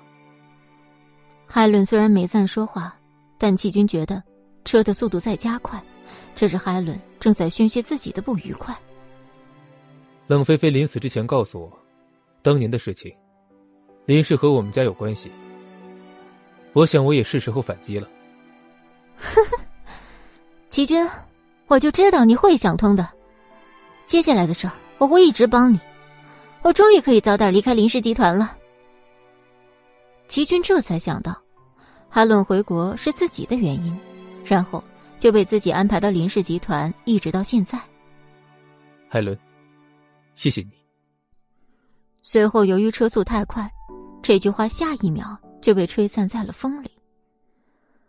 冷菲菲去世的事情没有掀起什么轩然大波，毕竟不是什么明星，更不是什么企业家的大人物。小金把那天在场的几个小混混抓到警局后。接到了齐浩白的电话，齐浩白的意思是想约小静出来见一面，聊一聊，聊一聊今天在齐军身上发生了什么事儿。小静可是莫千行的手下，再加上今天自己看见齐军跟宋冉站一起时，他都有些生气。为了莫千行，小静毅然拒绝了齐浩白的邀请。自己现在在警局，还有公关这些琐事儿，哪儿还有什么时间跟齐浩白见面？宋冉一连在客房住了好几天，这让莫千行非常不爽，但是他并不打算主动去找宋冉示软。在他大男子主义的世界观里来说，这次吵架，宋冉占百分之百的错误。宋冉现在心里面也非常窝火，他不明白，为什么莫千行这次这么莫名其妙的发脾气，自己才不要先去跟莫千行说话，毕竟那天莫千行捏疼了他。他抗议好几遍，莫千行才松手。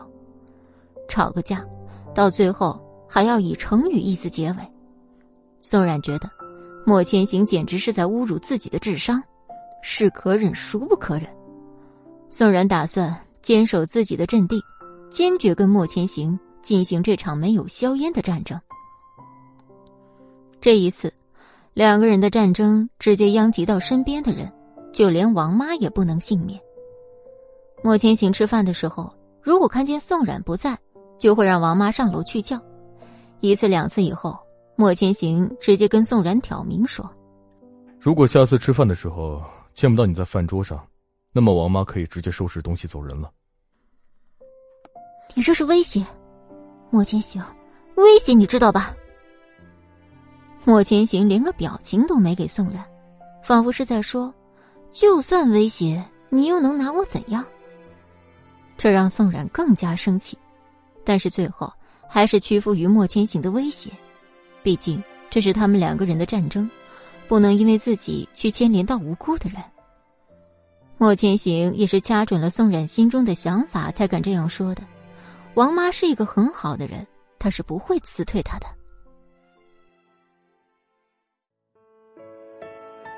第十三集，宋冉现在对莫千行的态度就是保持自己和他之间的距离，这样井水不犯河水的小日子，在宋冉这看来倒是过得还算不错。经过钢筋工厂的事情以后，莫天行现在越来越觉得，对比骑士集团来看，一直在背后的林氏集团才更暗藏玄机。每一次林雨柔出来捣乱，宋冉都会有危险，这对莫千行来说可不是一件好事儿。林雨柔的背后可是林朗成和整个林氏集团。想当年，林雨柔陪在莫千行身边的时候，也算是尽心尽力。莫千行可从来没有怀疑过林氏集团。可现在一切都不一样了，林氏集团进来的动作简直势如破竹。必是现在三足鼎立，最大的一头就是林氏。莫千行现在还摸不清楚林氏集团几斤几两，实属不敢轻举妄动。对于林氏集团的信任，早就已经被时间给磨得所剩无几了。一次次事故的出现，都有林雨柔。莫千行想着，自己现在也要有所动作进行防备，可不能因为守株待兔而让宋冉受到任何伤害。小静现在在莫家基本上算是一个清闲的人，宋冉现在都不会出门，司机这个身份算是给不了小静什么展示的机会，所以莫千行这天回到家后。没有吃饭，先把小静叫到书房里。小静有些纳闷按理说最近也没有什么大事出现。莫千行没有走向书桌那边，而是坐在右边的沙发上，眼神示意小静也坐下来。恭敬不如从命，小静坐在距离莫千行的不远处。莫总，上次你查到的宋二伯在林氏集团附近，现在可有什么新的进展？小静不知道。莫千行会突然问这些，眼神有些躲闪。他还以为宋冉当时已经得救，那么宋二伯这件事儿就可以终止调查，所以他根本没有再继续跟进去。说话。对不起，莫总，宋二伯的事情，在宋小姐获救以后，我就没有再继续跟进了，所以我现在并不知道宋二伯的下落。莫千行慵懒的往沙发后面靠了靠。听见小金无用的解释后，眼神直接瞥向了书房的别处。够了，我并不想浪费时间在这里听你那没用的解释。莫千行生气了，小金哪还敢坐？赶紧站起，低着头没再说话。是不是宋冉这几天懒散，你也跟着一块懒了？你要知道，你不仅是一个司机，还是我莫千行培养出来的人。我想你对你自己的身份，应该还是清楚的吧。清楚，我明白，莫总，我保证不会再有下一次了。莫千行摆摆手，眼神一直死死的盯着小静。三天，我要送二伯具体的动向，完不成这个任务的话，你可以直接走人了。我莫家也不缺你一个没有价值的司机。小静背后一凉，宋二伯前段时间他跟了那么久，连个蛛丝马迹都查不到。现在莫千行要求自己三天查到具体动向，简直就是给了他一个不可能完成的任务。小金也没有别的办法，只能自求多福。莫千行在小静出书房之前给了点提示：林雨柔一定认识宋二伯，这次查宋二伯的时候，可以向林氏集团那边靠拢。小静想，林氏集团那地方一定藏着不可告人的秘密。还记得查了好几天，最后宋二伯的信号就是在林氏集团附近出现的。这对小静来说是一种突破性的进展。好的，莫总，这次我一定不会让你失望的。宋冉上楼时，正好小静从莫千行书房出来，这让宋冉感到有点奇怪。宋冉小姐，小静，你怎么从那个人书房里出来啊？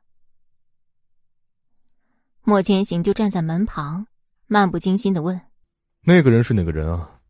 我的书房怎么了？我找小静谈话，还要向你汇报。”莫千行本来只是要从书房里出来，到客厅倒一杯水，结果刚到门口，就听见宋冉在门口向小静打听自己。他们现在可是在吵架。宋冉明明就很在意自己，莫千行的心里有点小得意，但是话从嘴里说出来就不那么好听了。宋冉听见莫千行连续好几个反问，自己的毛一下就炸起。本来只是碰巧遇见小静，随便说几句话，但是到莫千行的嘴里就变味儿了。小静，你下去吧，我也回屋了，这外面怪吵的。宋冉直接把莫千行忽略掉，和小静告别，转身回到自己的客房，关上了门。这在莫千行眼里，无疑是一种挑衅。小静只是一个下楼梯的过客，现在不知怎么就成了莫千行和宋冉二次战争的爆发点。偷偷瞄了一眼莫千行，他此刻没有动，一直在原地直勾勾的看着宋冉客房的门。小静这个时候。自己也不敢轻举妄动啊！莫千行不发话，他也不敢下去。可现在这个样子，自己铁定是不能再待下去了。小静觉得，自己这一天天的真是太倒霉了。就在小静不知道该怎么办的时候，莫千行的手机响起，这对小静来说一定是伟大的解脱时刻。她压制自己心中的喜悦，直到看见莫千行转身回了书房，小静这才悄悄下楼。几接通电话，说：“喂，莫总，这期的设计宣传出来了，最后的会议定在下午三点一刻。”电话那头是暮云，私募的那个设计团队有了暮云以后，如虎添翼。现在正是收尾的关键时刻。好，我知道了。我大概二十分钟以后到公司，把财务还有外宣部门组织起来。二十五分钟以后，七楼会议室开会。好的，莫总，一会儿见。莫千行挂断电话，从书房里面走了出来，看着客房紧关的门，自己的火儿又上来了。纵然此刻可没有一点儿火，他正在自己的房间里握着自己的小身板。在窗台边，戴着耳机在画板上画画呢。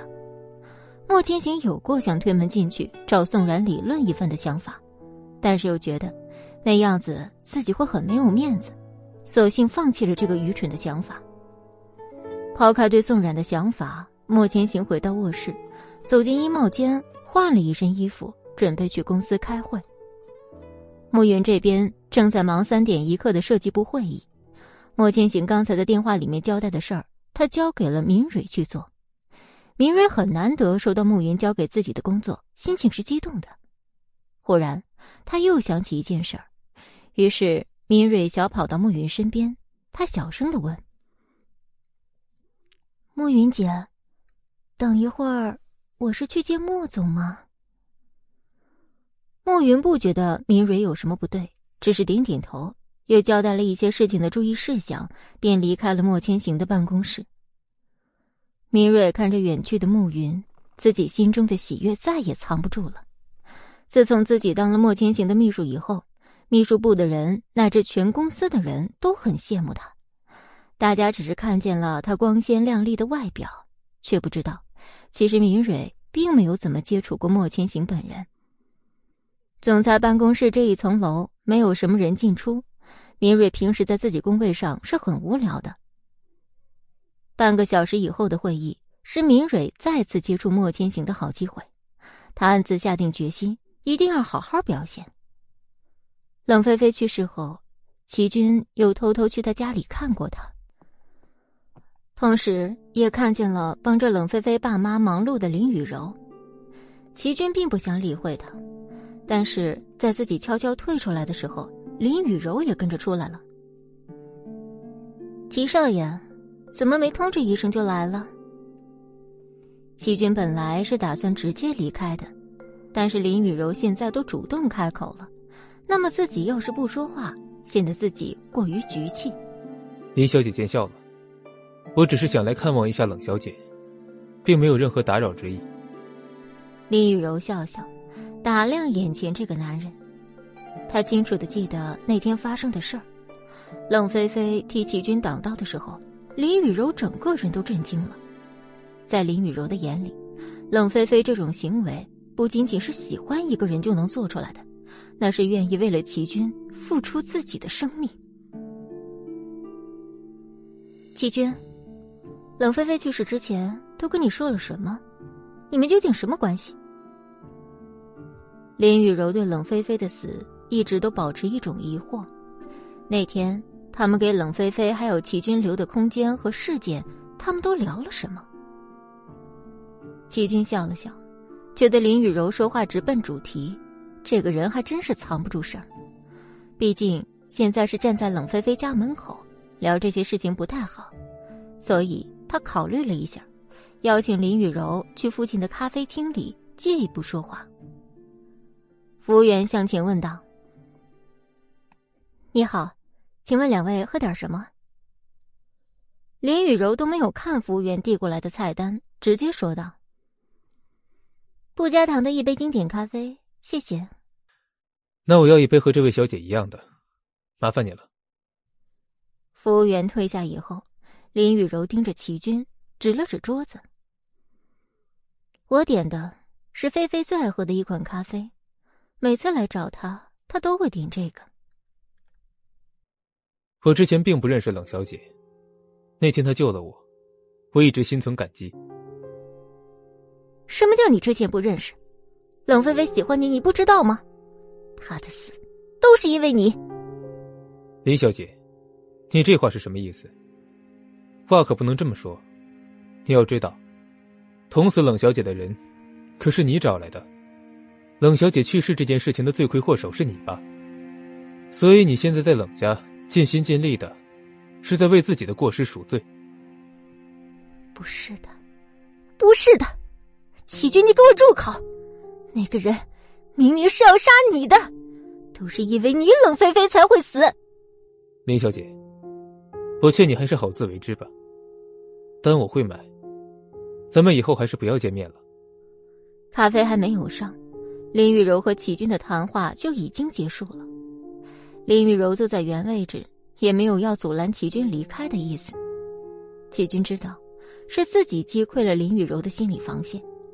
现在的林雨柔，说不定正在自己内心做挣扎。冷菲菲的死，确实和他脱不开干系。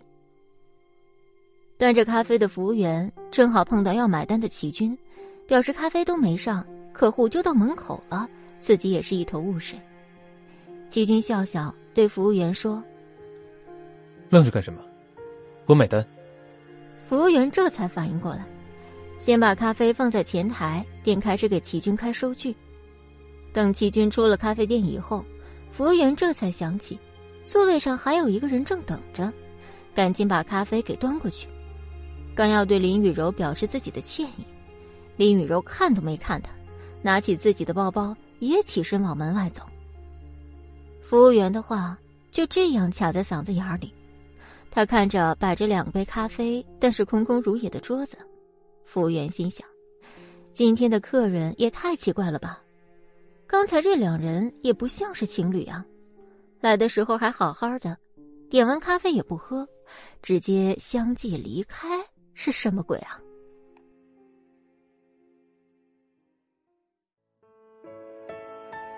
不急。莫千行下楼时没有看见小静。估计是去调查宋二伯的事情去了。站在楼下往上面看，正好宋冉推门出来。宋冉没有看见楼下的莫千行，只见他轻手轻脚的走到书房门口，把自己的脑袋往门上贴，可能是听见没什么动静，宋冉这才放心了，一蹦一跳的，一边下楼一边说：“王妈，莫千行不在家，咱们去菜市场吧。”莫千行一头黑线，心想：宋冉知道自己不在家，就这么开心吗？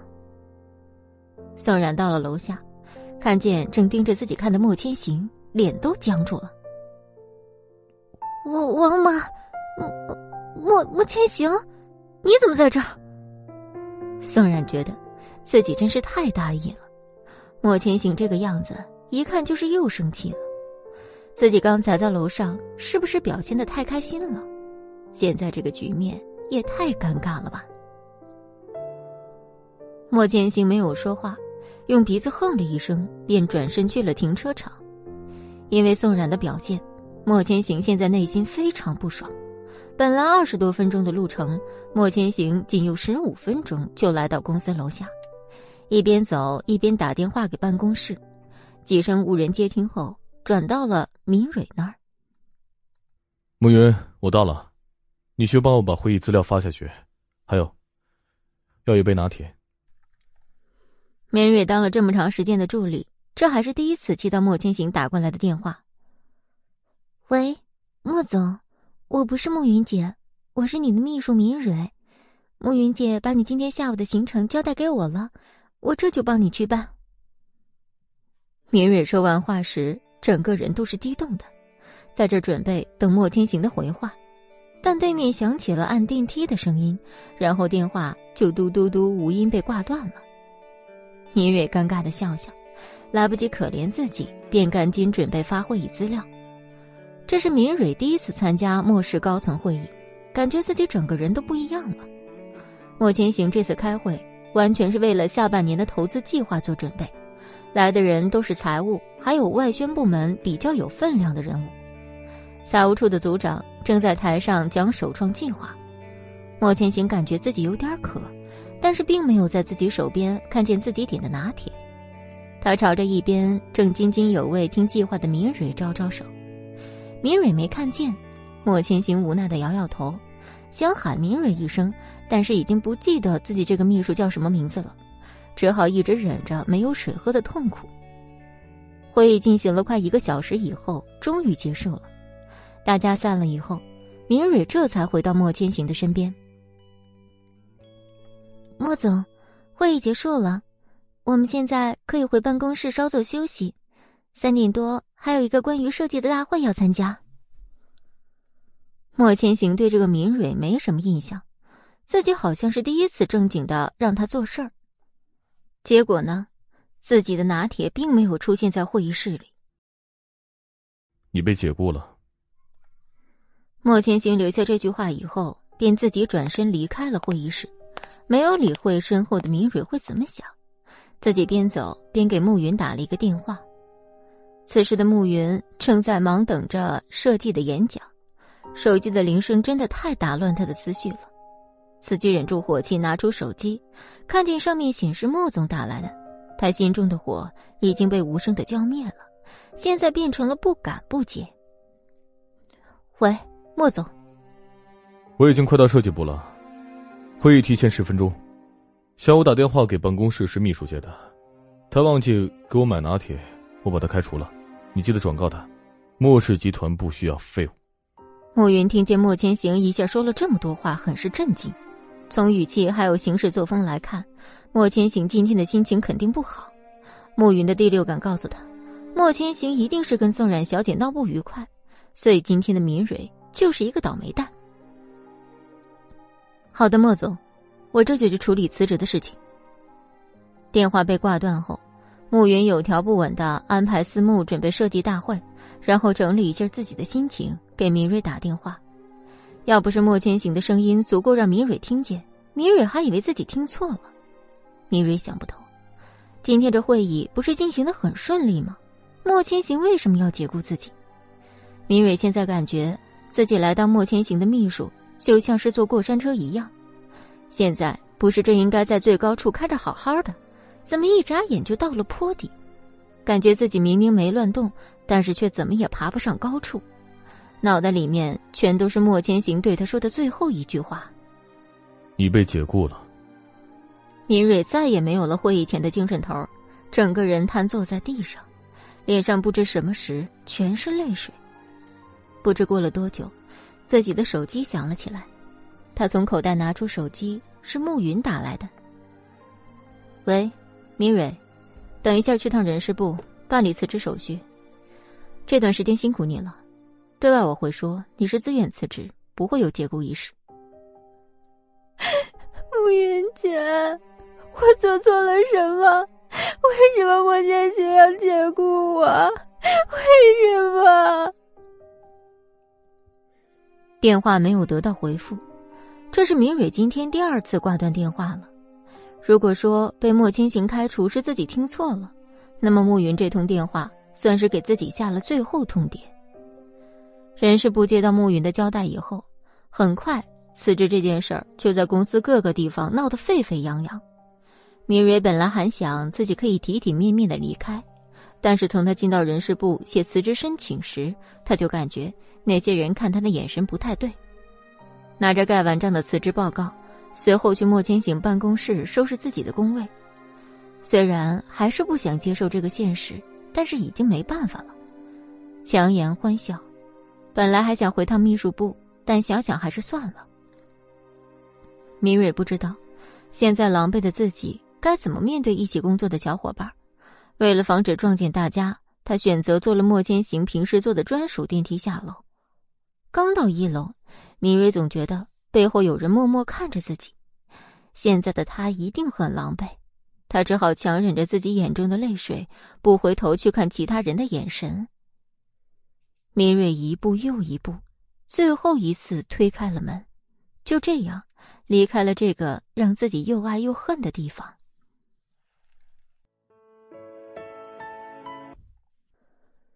大厅里面的人看见明蕊走出大门的背影以后，大家终于忍不住开始大声议论。不光是大厅的这几个人。还有公司的各大群里，现在都在讨论关于明蕊离职，究竟是自己辞职，还是被莫天行解雇？一人一张嘴，光是唾沫星子就能淹死人了。明蕊抱着自己收拾的东西，在路边好不容易等到一辆公交车。刚辞职还没来得及退那些工作群，自己的手机一直震动。现在看见这些纯消息，就像是在往自己身上插刀一样。已经哭过一场的明蕊，现在一个没忍住，就这样在公交车上再次放声大哭起来。公交车上的人都用异样的眼光看他，他今天一天真是接受了太多这样打量的目光了。明蕊现在想找一个地洞钻下去，觉得自己现在有种被脱光了，全世界来指责的感觉。他现在实在扛不住陌生人投来的异样目光。他麻木的擦掉自己脸上的眼泪，就在近一站直接下了车。齐军跟林雨柔在咖啡馆离开后，本来是要回家的，结果海伦打了两个电话，自己都没注意到。齐军把手机连上蓝牙，刚要给海伦打过去，正好海伦再次打来。齐大少爷又忙什么呢？这才接我电话，我可给你打了不止一个。刚才在处理一些琐碎的事情，怎么？你今天怎么这么开心啊？哼，这都被你察觉出来了，我真是受宠若惊啊！作为奖励，我就提前告诉你一个好心情吧。说吧，该不会是临时给你涨工资了吧？这对于我来说可不是什么好消息哦。齐娟，你可个拉倒吧！说正事儿，唐婉晴，我在国外的人找到了，你先别急。我跟你说啊，我现在把当年的事大概了解了一下。齐军听见唐婉晴的名字后，开着车都差点走神儿，后面的话已经听不太清楚。马路上来来往往的车开始鸣笛，这才把齐军的魂儿拉回来。喂，喂，齐军，你干什么呢？你在开车吗？喂。齐军大喘几口气以后，拿过手机说。没事，我现在在去接你的路上了，不方便去临时接你。你去集团左边的路口等我吧。你吓死我了！早说你在开车呀，我本来是想等见面再说的，又怕找不到你。开车可不能玩手机，好好看路吧。咱们见面再谈。齐军赶紧嗯嗯应两声，便挂断了电话。他平时从来没觉得路上会那么堵，但今天不一样。今天齐军觉得路上真堵车，时间过得真慢。最重要的感觉，自己现在在冷菲菲家那边到林氏集团的距离真的很远。海伦现在在林氏的地位已经非常高了。所以，哪怕现在上班时间，他也可以直接离开林氏去忙自己的事儿，不用有任何的顾忌。海伦心情好的哼着小曲儿，对着镜子补了个妆，然后拿上自己的外套，直接出了林氏集团，来到约定好的路口等齐军。齐军开车过来时，海伦觉得这感觉挺好的。如果以后也可以这样来接他下班的话，那自己应该很幸福。傻愣着干什么呢？上车。齐军的话让海伦回过神儿，心想：这种事儿果然不可能发生在他身上，他跟齐军之间也是不可能的。两人开车离去，正好被林氏集团周围转悠的小静看到。小静赶紧拍下他们同一辆车说话亲昵的样子，然后继续专注于寻找宋二伯的事儿。碰见齐军跟海伦，这是一桩意外收获。小静还是非常能分得清楚的。齐军直接把海伦带到自己家里，没有过多客套，海伦也没有见外。齐军，你这现在怎么那么空啊？你那些宝贝玩具呢？扔了。他去世以后，这个家我一直不知道怎么面对。齐浩白帮我把这里重新清理了一遍，看着是空旷了一些哈。空气挺好的，把自己的心腾出一些地方放你爸爸吧。你说什么？没事提他干什么？说说你找到唐婉晴以后，都收获了什么好消息吧。你呀，还是要多笑笑。唐婉晴对当年的事儿已经记不太清楚了，他只记得自己是拿钱办事。最好的消息就是，你父亲并没有做对不起你妈妈还有你的事儿。原来。海伦那么高兴，是因为这件事儿。齐军愣了，大脑一片空白。自己对祁连松恨了那么多年，现在海伦告诉自己，祁连松当年没有做对不起自己跟妈妈的事儿，他不能接受这个好消息。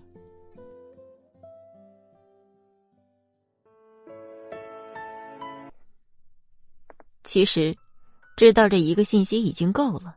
凭借唐婉晴的一面之词，就完全可以解开对祁连松的误会，这已经是不能再好的消息了。可是对于现在的齐军来说，这更多的是一个让人难以接受的事儿。他闭上眼睛。这件事情都过去那么多年了，万一唐婉晴在骗你呢？海伦，对于我来说，这个消息我不是很能接受。我知道，你可能一时接受不了。但是你不要去否认，唐婉晴没有撒谎，这我可以保证。齐俊没有说话，只是把海伦握着自己的手抽了出来。这细微的小动作对海伦来说无疑是一种伤害。啊，是我越界了，我可没别的意思。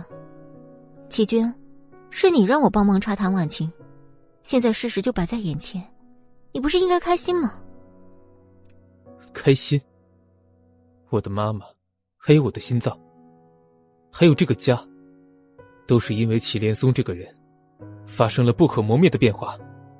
现在你让我接受，我恨了那么多年的人是被人陷害的，我不能接受。说着，齐军的语气就激动起来。海伦发现不对，赶紧跑向卧室给齐军找心脏病的药。果然。当海伦回来时，齐军的脸色已经很不好了，把自己用过的喝水杯子递给齐军，但齐军只是接过药干咽了下去。齐军，我们非要这个样子吗？我们这样做朋友不是挺好的吗？海伦笑了笑，拿着自己刚刚递给齐军的水杯，自己喝了一大口。看着齐军的眼睛，海伦觉得好像掉进去了。等齐军再次眨眼的时候。海伦已经凑过来，亲在齐军的嘴唇上。海伦觉得这一刻的时间好像停止了一样。齐军的嘴唇像一个软甜可口的果冻，还有一些凉凉的感觉，但是比自己预想的还要柔软。海伦一个没忍住，伸出自己的舌头舔了一下，齐军这才反应过来，两人现在在干什么。下一秒，海伦就被齐军推开，他的眼睛瞪得像个铜铃。倒是海伦，还是波澜不惊的样子，再次拿起刚才喝水的那个杯子，朝齐军笑了笑。齐军被海伦看得心里发毛，不自觉的咽了一口唾沫。你紧张什么？那么大个人了，又不是没跟女人接过吻。齐军的耳朵有些红。他尽量装出无所谓的样子，但是这在海伦眼里看来，完全像孩子一样可爱的反应。就当是我给你找唐婉晴的酬金了，你好好想想你跟你爸爸之间的事儿吧。我建议你跟他好好聊聊，林氏现在的势头可足着呢。海伦，宋二伯的事情，你再帮我顺点心。海伦愣了下。转身看见齐军单薄的身影站在门旁，宋冉这个女人到底哪里好，让他惦记到现在都不肯忘记。那我的酬劳，齐大少爷什么时候给我？不知道齐军的表情，也不知道他有没有回答。海伦自顾自的走了。另一边，在林氏集团附近寻找宋二伯踪迹的小静一无所获，他现在完全陷入了一个瓶颈期。无果的他沮丧的回到墨家，宋冉在厨房看小静回来，神神秘秘的把她叫过来。小静，我想让你帮我办件事儿。好，宋冉小姐，你说，我能帮的一定帮。上次林雨柔喊来绑架我那老六那群人，是不是最后让你送到警察局里？你看，你告诉我他们现在在哪个警察局？这不是什么大事儿，反而宋冉的话提醒了小静，自己只想到宋二伯的信号出现在林氏集团附近，但没有想到和林雨柔一伙的那几个小混混，这应该也是宋冉想找他们在哪个监狱的原因吧？说到底，还是想要知道自己二伯的所在地。为首的那个人被判了无期徒刑，就在六环路上的那个监狱。其他那几个小混混，应该没有被判几年。宋冉小姐。你要去监狱吗？不去，我怎么可能去？我就是问问，随便问问。宋然火速的撤离厨房，一个人跑到楼上。小金也没当回事儿。目前自己已经有了新的计划，那就是去监狱里见那个为首的老六，兴许还真能打听出来宋二伯的下落。讲到这里，小金觉得宋冉小姐还真是自己的幸运女神。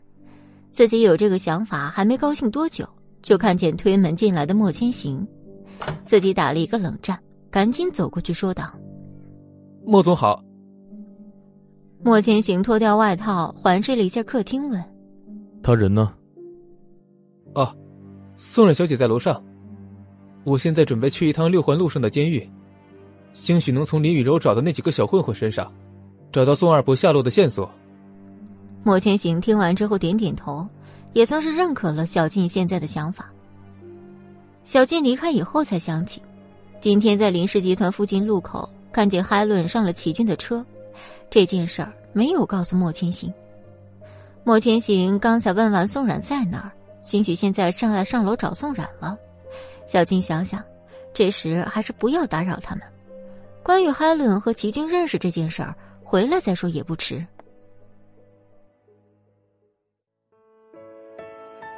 十八集，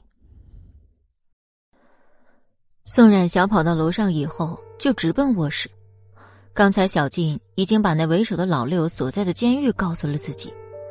那么，介于最开始打电话的时候，确实在自己二伯的声音还有长相，那么自己的二伯一定跟林雨柔认识，这才有了把自己骗去钢筋工厂这件事儿。宋冉觉得自己的推理非常对，下一步。就是去到六环路上找那个老六，问自己二伯的下落。最近跟莫千行冷战，不方便去那么远的地方。莫千行要是知道自己出去，一定会派人跟着，到时候自己一定会被阻拦，造成不必要的麻烦。宋然想来想去，现在最保险的办法就是将自己现在已知的消息全部告诉祁连松，让他去做这件事儿。看了看时间，确定莫千行不会回家以后，把卧室的门反锁。宋冉这才从角落里拿出自己一直藏着的小手机，摁下了开机键。他小心翼翼的拨打祁连松的号码。时间一分一秒过去，那边并没有人接。宋然想，现在应该是祁连松的上班时间，正打算一会儿再打过去。就在这时，卧室的门把手响起，被扭动的声音。很显然，外面不可能是王妈。宋冉赶紧把小手机藏在床底下，跑过去打开卧室的门，抬头就看见皱着眉头的莫千行。宋冉的心慌得不得了。你怎么回来了？宋冉，你把卧室的门反锁在干什么？人家在换衣服啊，谁知道你突然回来了，我还吓了一跳呢。听完宋冉的解释，莫千行觉得自己太过于神经质了。哦，我也换个衣服。挡在门口的宋冉赶紧弹到另一边站着。莫千行这才走进卧室的试衣间，宋冉觉得还好自己刚才机智，不然的话，以莫千行的性子，一定会打破砂锅问到底。莫千行走到试衣间，发现一丝不对劲儿，橱柜里面的衣服根本没有被动过的样子，更不像宋冉那个乱七八糟性格能保持的样子。他一边换衣服，一边再三确认了一下试衣间。确认宋冉是在撒谎。等他走出去时，宋冉还在门口站着。莫千行扯了扯自己的领带，走向宋冉：“帮我把领带系上。”宋冉正想着自己下一步该怎么把手机从床底下取出来，这个时候，莫千行让他系领带，就证明莫千行肯定还会离开家去公司。想到这儿，宋冉的心情就好了起来。笑盈盈的抬起自己的手，开始给莫千行系领带。宋冉这个反应，看在莫千行眼里就是不正常的。只是莫千行还不知宋冉是为了什么。宋冉很熟练的把领带系好，莫千行盯着宋冉认真的小脸看了看，不自觉的就攀上他的腰肢。莫千行突如其来的拥抱，把宋冉吓了一跳。他并不愿意跟莫千行近距离接触，所以开始挣扎。这对莫千行来说，无疑是一种挑衅。他才没有松开宋冉的腰，而是把他横抱到床上。宋冉被抱的时候，因为害怕，所以紧紧揽住莫千行的脖子。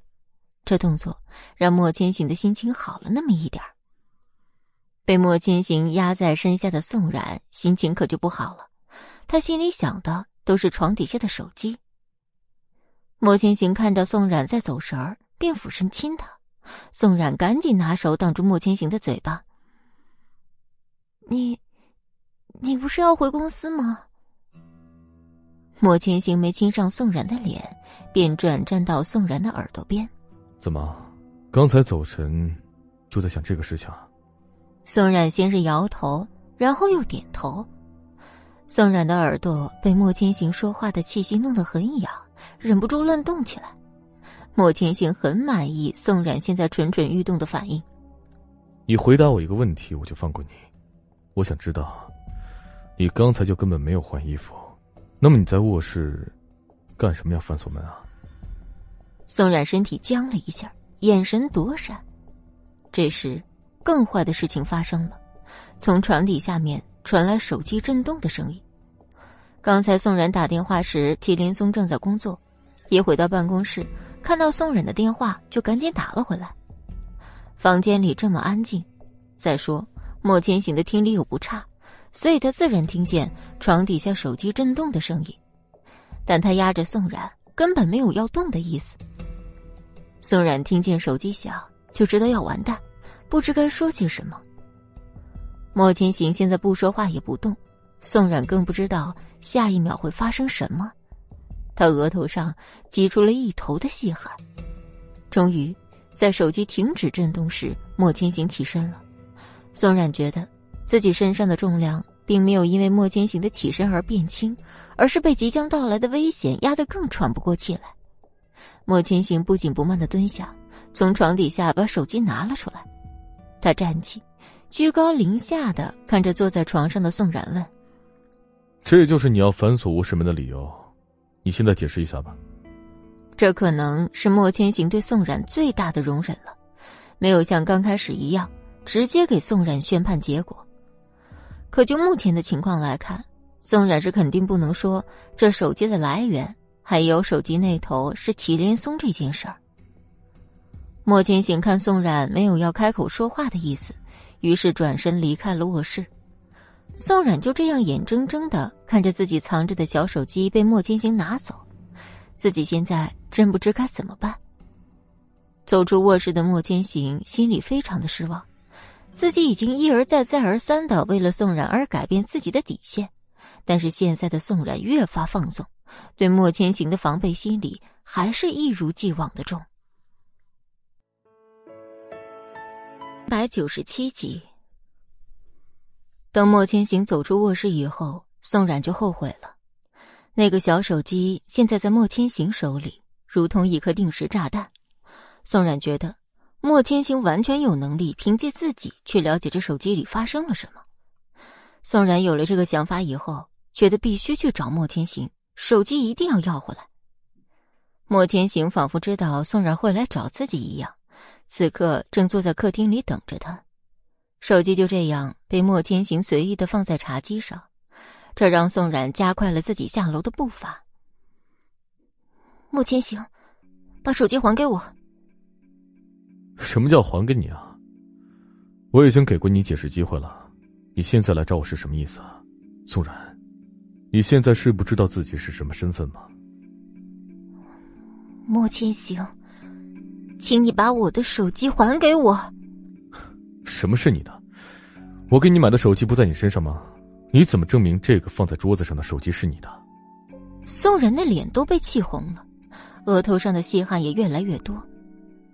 莫千行这次可没有任何要手软的样子，当着宋冉的面拿起手机打开，看见那个红色刺眼的未接电话，莫千行只是笑笑摁下了回拨键。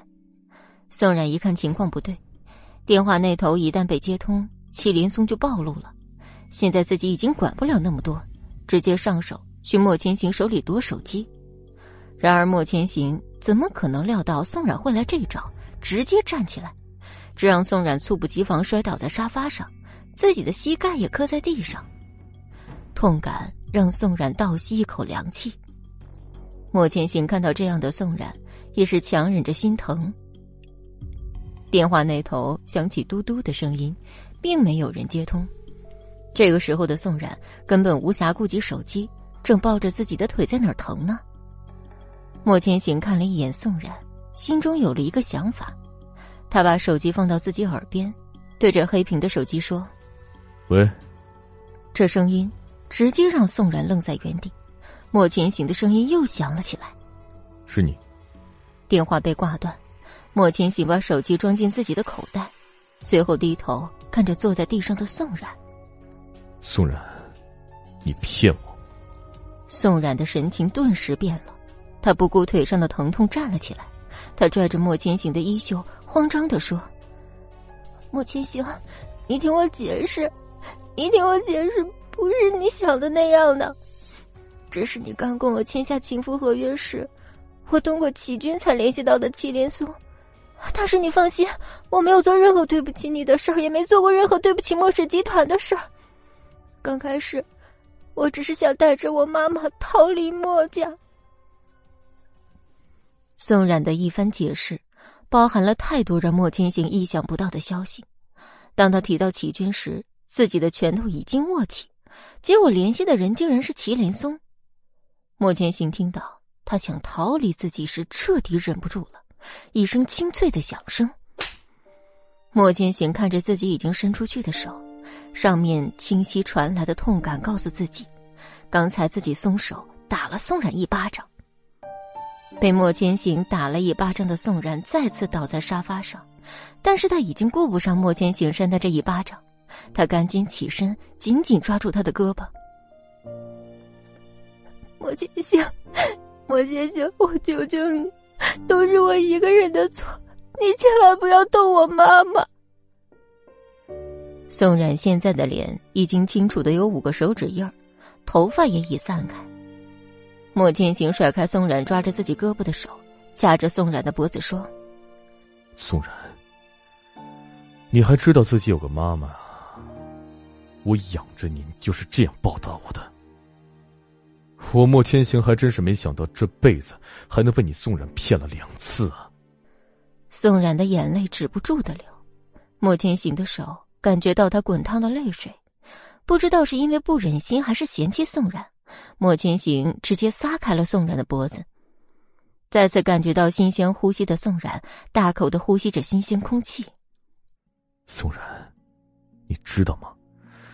你现在就像一条狗一样，还是一只吃里扒外的狗。宋然已经没有力气再去跟莫千行做什么争斗，他用最后的力气拽了拽莫千行的衣袖：“别动妈妈。”我求求你！说完这句话，宋冉就晕了过去。莫千行看着低头的宋冉，察觉到了一丝不对劲儿。喂，发现宋冉完全没有回应自己，莫千行这才蹲下，伸手把宋冉的头发埋到耳后。宋冉的脸煞白，只有五个手指印儿通红的印在脸上。莫千行看着这样的宋冉，在心里默默的叹了口气。哪怕对宋冉再过分，到最后莫千行还是会去在意宋冉的状况。他小心翼翼的把宋冉抱起，开车一路狂飙到了医院。医院现在已经没有人不认识莫千行了，所以当莫千行抱着宋冉出现在医院门口时，院长已经接到通知，很快医生就给宋冉做了检查，身体没有大碍，只是情绪上有太大的波动导致的晕厥。莫千行从医院出来就没有说话，直到医生告诉他宋冉没事儿，他才稍有一点反应，但仍然没有说话。莫千行看见宋冉红肿的脸颊，叫住转身要离开的医生。他的脸，啊，我已经让护士去拿冰袋去了。小姐的脸应该是被人扇了一巴掌，消消肿即可，无大碍的。医生话落，病房里又安静了。医生也没再说话，识趣的默默退下。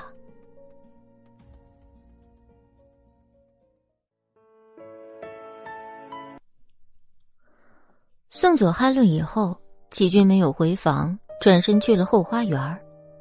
四周静悄悄的，他坐在树底下的石滩上面，打量着这个熟悉又陌生的地方。其实那么长时间过去，春去秋来，这个花园并没有太多的变化。齐军因为今天跟海伦见面，导致他现在心里非常复杂。国外唐婉晴的事情确实是他让海伦帮忙调查的，可现在这个结果，他不知道是不是他想要的结果。事情已经过去那么久，齐军的病还有心中的那份恨，也随着齐军生活那么久，现在怎么能说放下就放下？齐连松这些年一个人打拼有多辛苦，齐军不是不知道。但是他把齐军一个人扔国外五六年，也没去看过他，这也是事实。齐军觉得，他和祁连松之间现在已经不仅仅是当年唐婉晴事情这么一个简单的隔阂了。随着时间的推移，父子之间的嫌隙也越来越大。齐军觉得，自己的心脏现在已经好很多了，只不过还算不上是一个正常人。他想。也许自己真的有一天能帮助祁连松一起管理祁氏集团，也算帮妈妈完成一个心愿。这想法一出来，齐军自己也没想到自己会这么想。林氏最近的动作非常之大，祁连松最近忙得焦头烂额，这也导致他没有接到宋冉电话。他一连开了好几个重大会议，别说祁连松已经四五十岁，就连齐浩白都有点吃不消了。祁连松给宋冉打电话回去的功夫，又觉得哪儿不太对，所以在莫千行二次打来时，他没有接。莫千行可没管电话那头有没有人接，用点小手段就把宋冉炸了出来。祁连从现在公司的事自顾不暇，自然没有在宋冉电话上多费多少心思。接连休息一会儿，就继续去工作了。风头正旺的林氏集团，因为还不知道莫千行的底细，所以只有先动骑士。这些把戏在祁连松眼里看的是很清楚的，只不过现在。祁连松也知道，只单单靠自己，骑士恐怕很难熬过这个大关。最后，祁连松不仅会想一些不好的事儿，比如等自己干不动老了，祁氏集团该怎么办？齐浩白虽一直很能干，人也忠心，但齐军才是自己的儿子，祁连松怎么会放心把亲手打下的江山拱手让给别人？想到这儿，他不禁摇摇头。齐军跟自己的关系是一个难题，一天两天恐怕也没有办法解决。助理老刘在这时敲了敲办公室的门，看见祁连松正在闭目养神，便走了进来。齐总，最近这些天你辛苦了，你看，你要不要休息一下午？今天下午的事有我盯着呢。老刘也算是跟着齐氏集团一起长大的元老级人物。麒麟松还是非常信赖自己这个助理的。慢慢睁开眼，长舒一口气说：“哎，公司现在正是需要我的时候，我怎么可能撇下你们自己一个人去休息嘛？我只是年纪大了，现在有很多事情都是力不从心呢。”老刘笑笑，给祁连松倒了一杯水。喝茶，喝茶。齐总，你可别这样说。咱们小齐总最近在忙什么呀？他年纪也不小了，咱们也试着让他来公司玩一玩，这样多少也能帮你减轻一点工作嘛。祁连松没说话，只是轻轻的又把眼睛闭上。老刘看他不愿意提起齐军，没有再说话，只是自觉的退出办公室，给祁连松留一个安静的休息空间。又到了每天下班的时间，骑士的工作人员没那么好的运气，老刘下达了通知。辛苦大家，今天全部留下来加班，把最近的报表都整理出来，进度也要赶上。这消息一出，工作人员叫苦连天，但没有办法，只好乖乖的坐回自己的工位上，老老实实开始加班工作。宋然醒来已经是几个小时以后的事儿，他觉得自己处在一个非常黑暗的地方，无论自己怎么大声呼救，周围都没有人。宋冉觉得。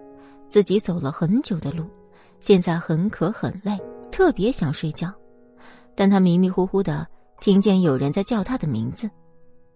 努力把自己的眼睛睁开，然后被医院的白炽灯刺了一下眼睛。宋冉小姐，你终于醒了。在宋冉面前说话的是慕云。宋冉看了看四周，发现自己正在医院里躺着。我，我怎么会在医院？暮云看宋冉要起身，赶紧把她扶起。我也不知道，是莫总让我来照顾你的。医生说你急性昏迷，只要醒过来就没事了。宋冉觉得自己要起身时，不光是打点滴的手疼，脸也是火辣辣的。他小心的敷上自己的脸，护士已经在他没醒来时用冰敷过，现在还有一点肿。宋冉小姐，你怎么了？是不是哪儿不舒服？哦，我没事儿，只是不想在医院里待着。你看我现在已经醒过来了，是不是能出院了？暮云表示，莫千行走之前并没有交代这件事儿。正在自己不知如何回答时，莫千行的声音从门口传过来：“不能，不喜欢更要待着了。”宋冉不用看就知道来人是谁，对暮云说：“我有点饿，嘴巴都没味道了，你帮我买点辣的面或者什么吧，谢谢你，暮云。”暮云转身跟莫千行打了个招呼，然后便一溜烟的跑了。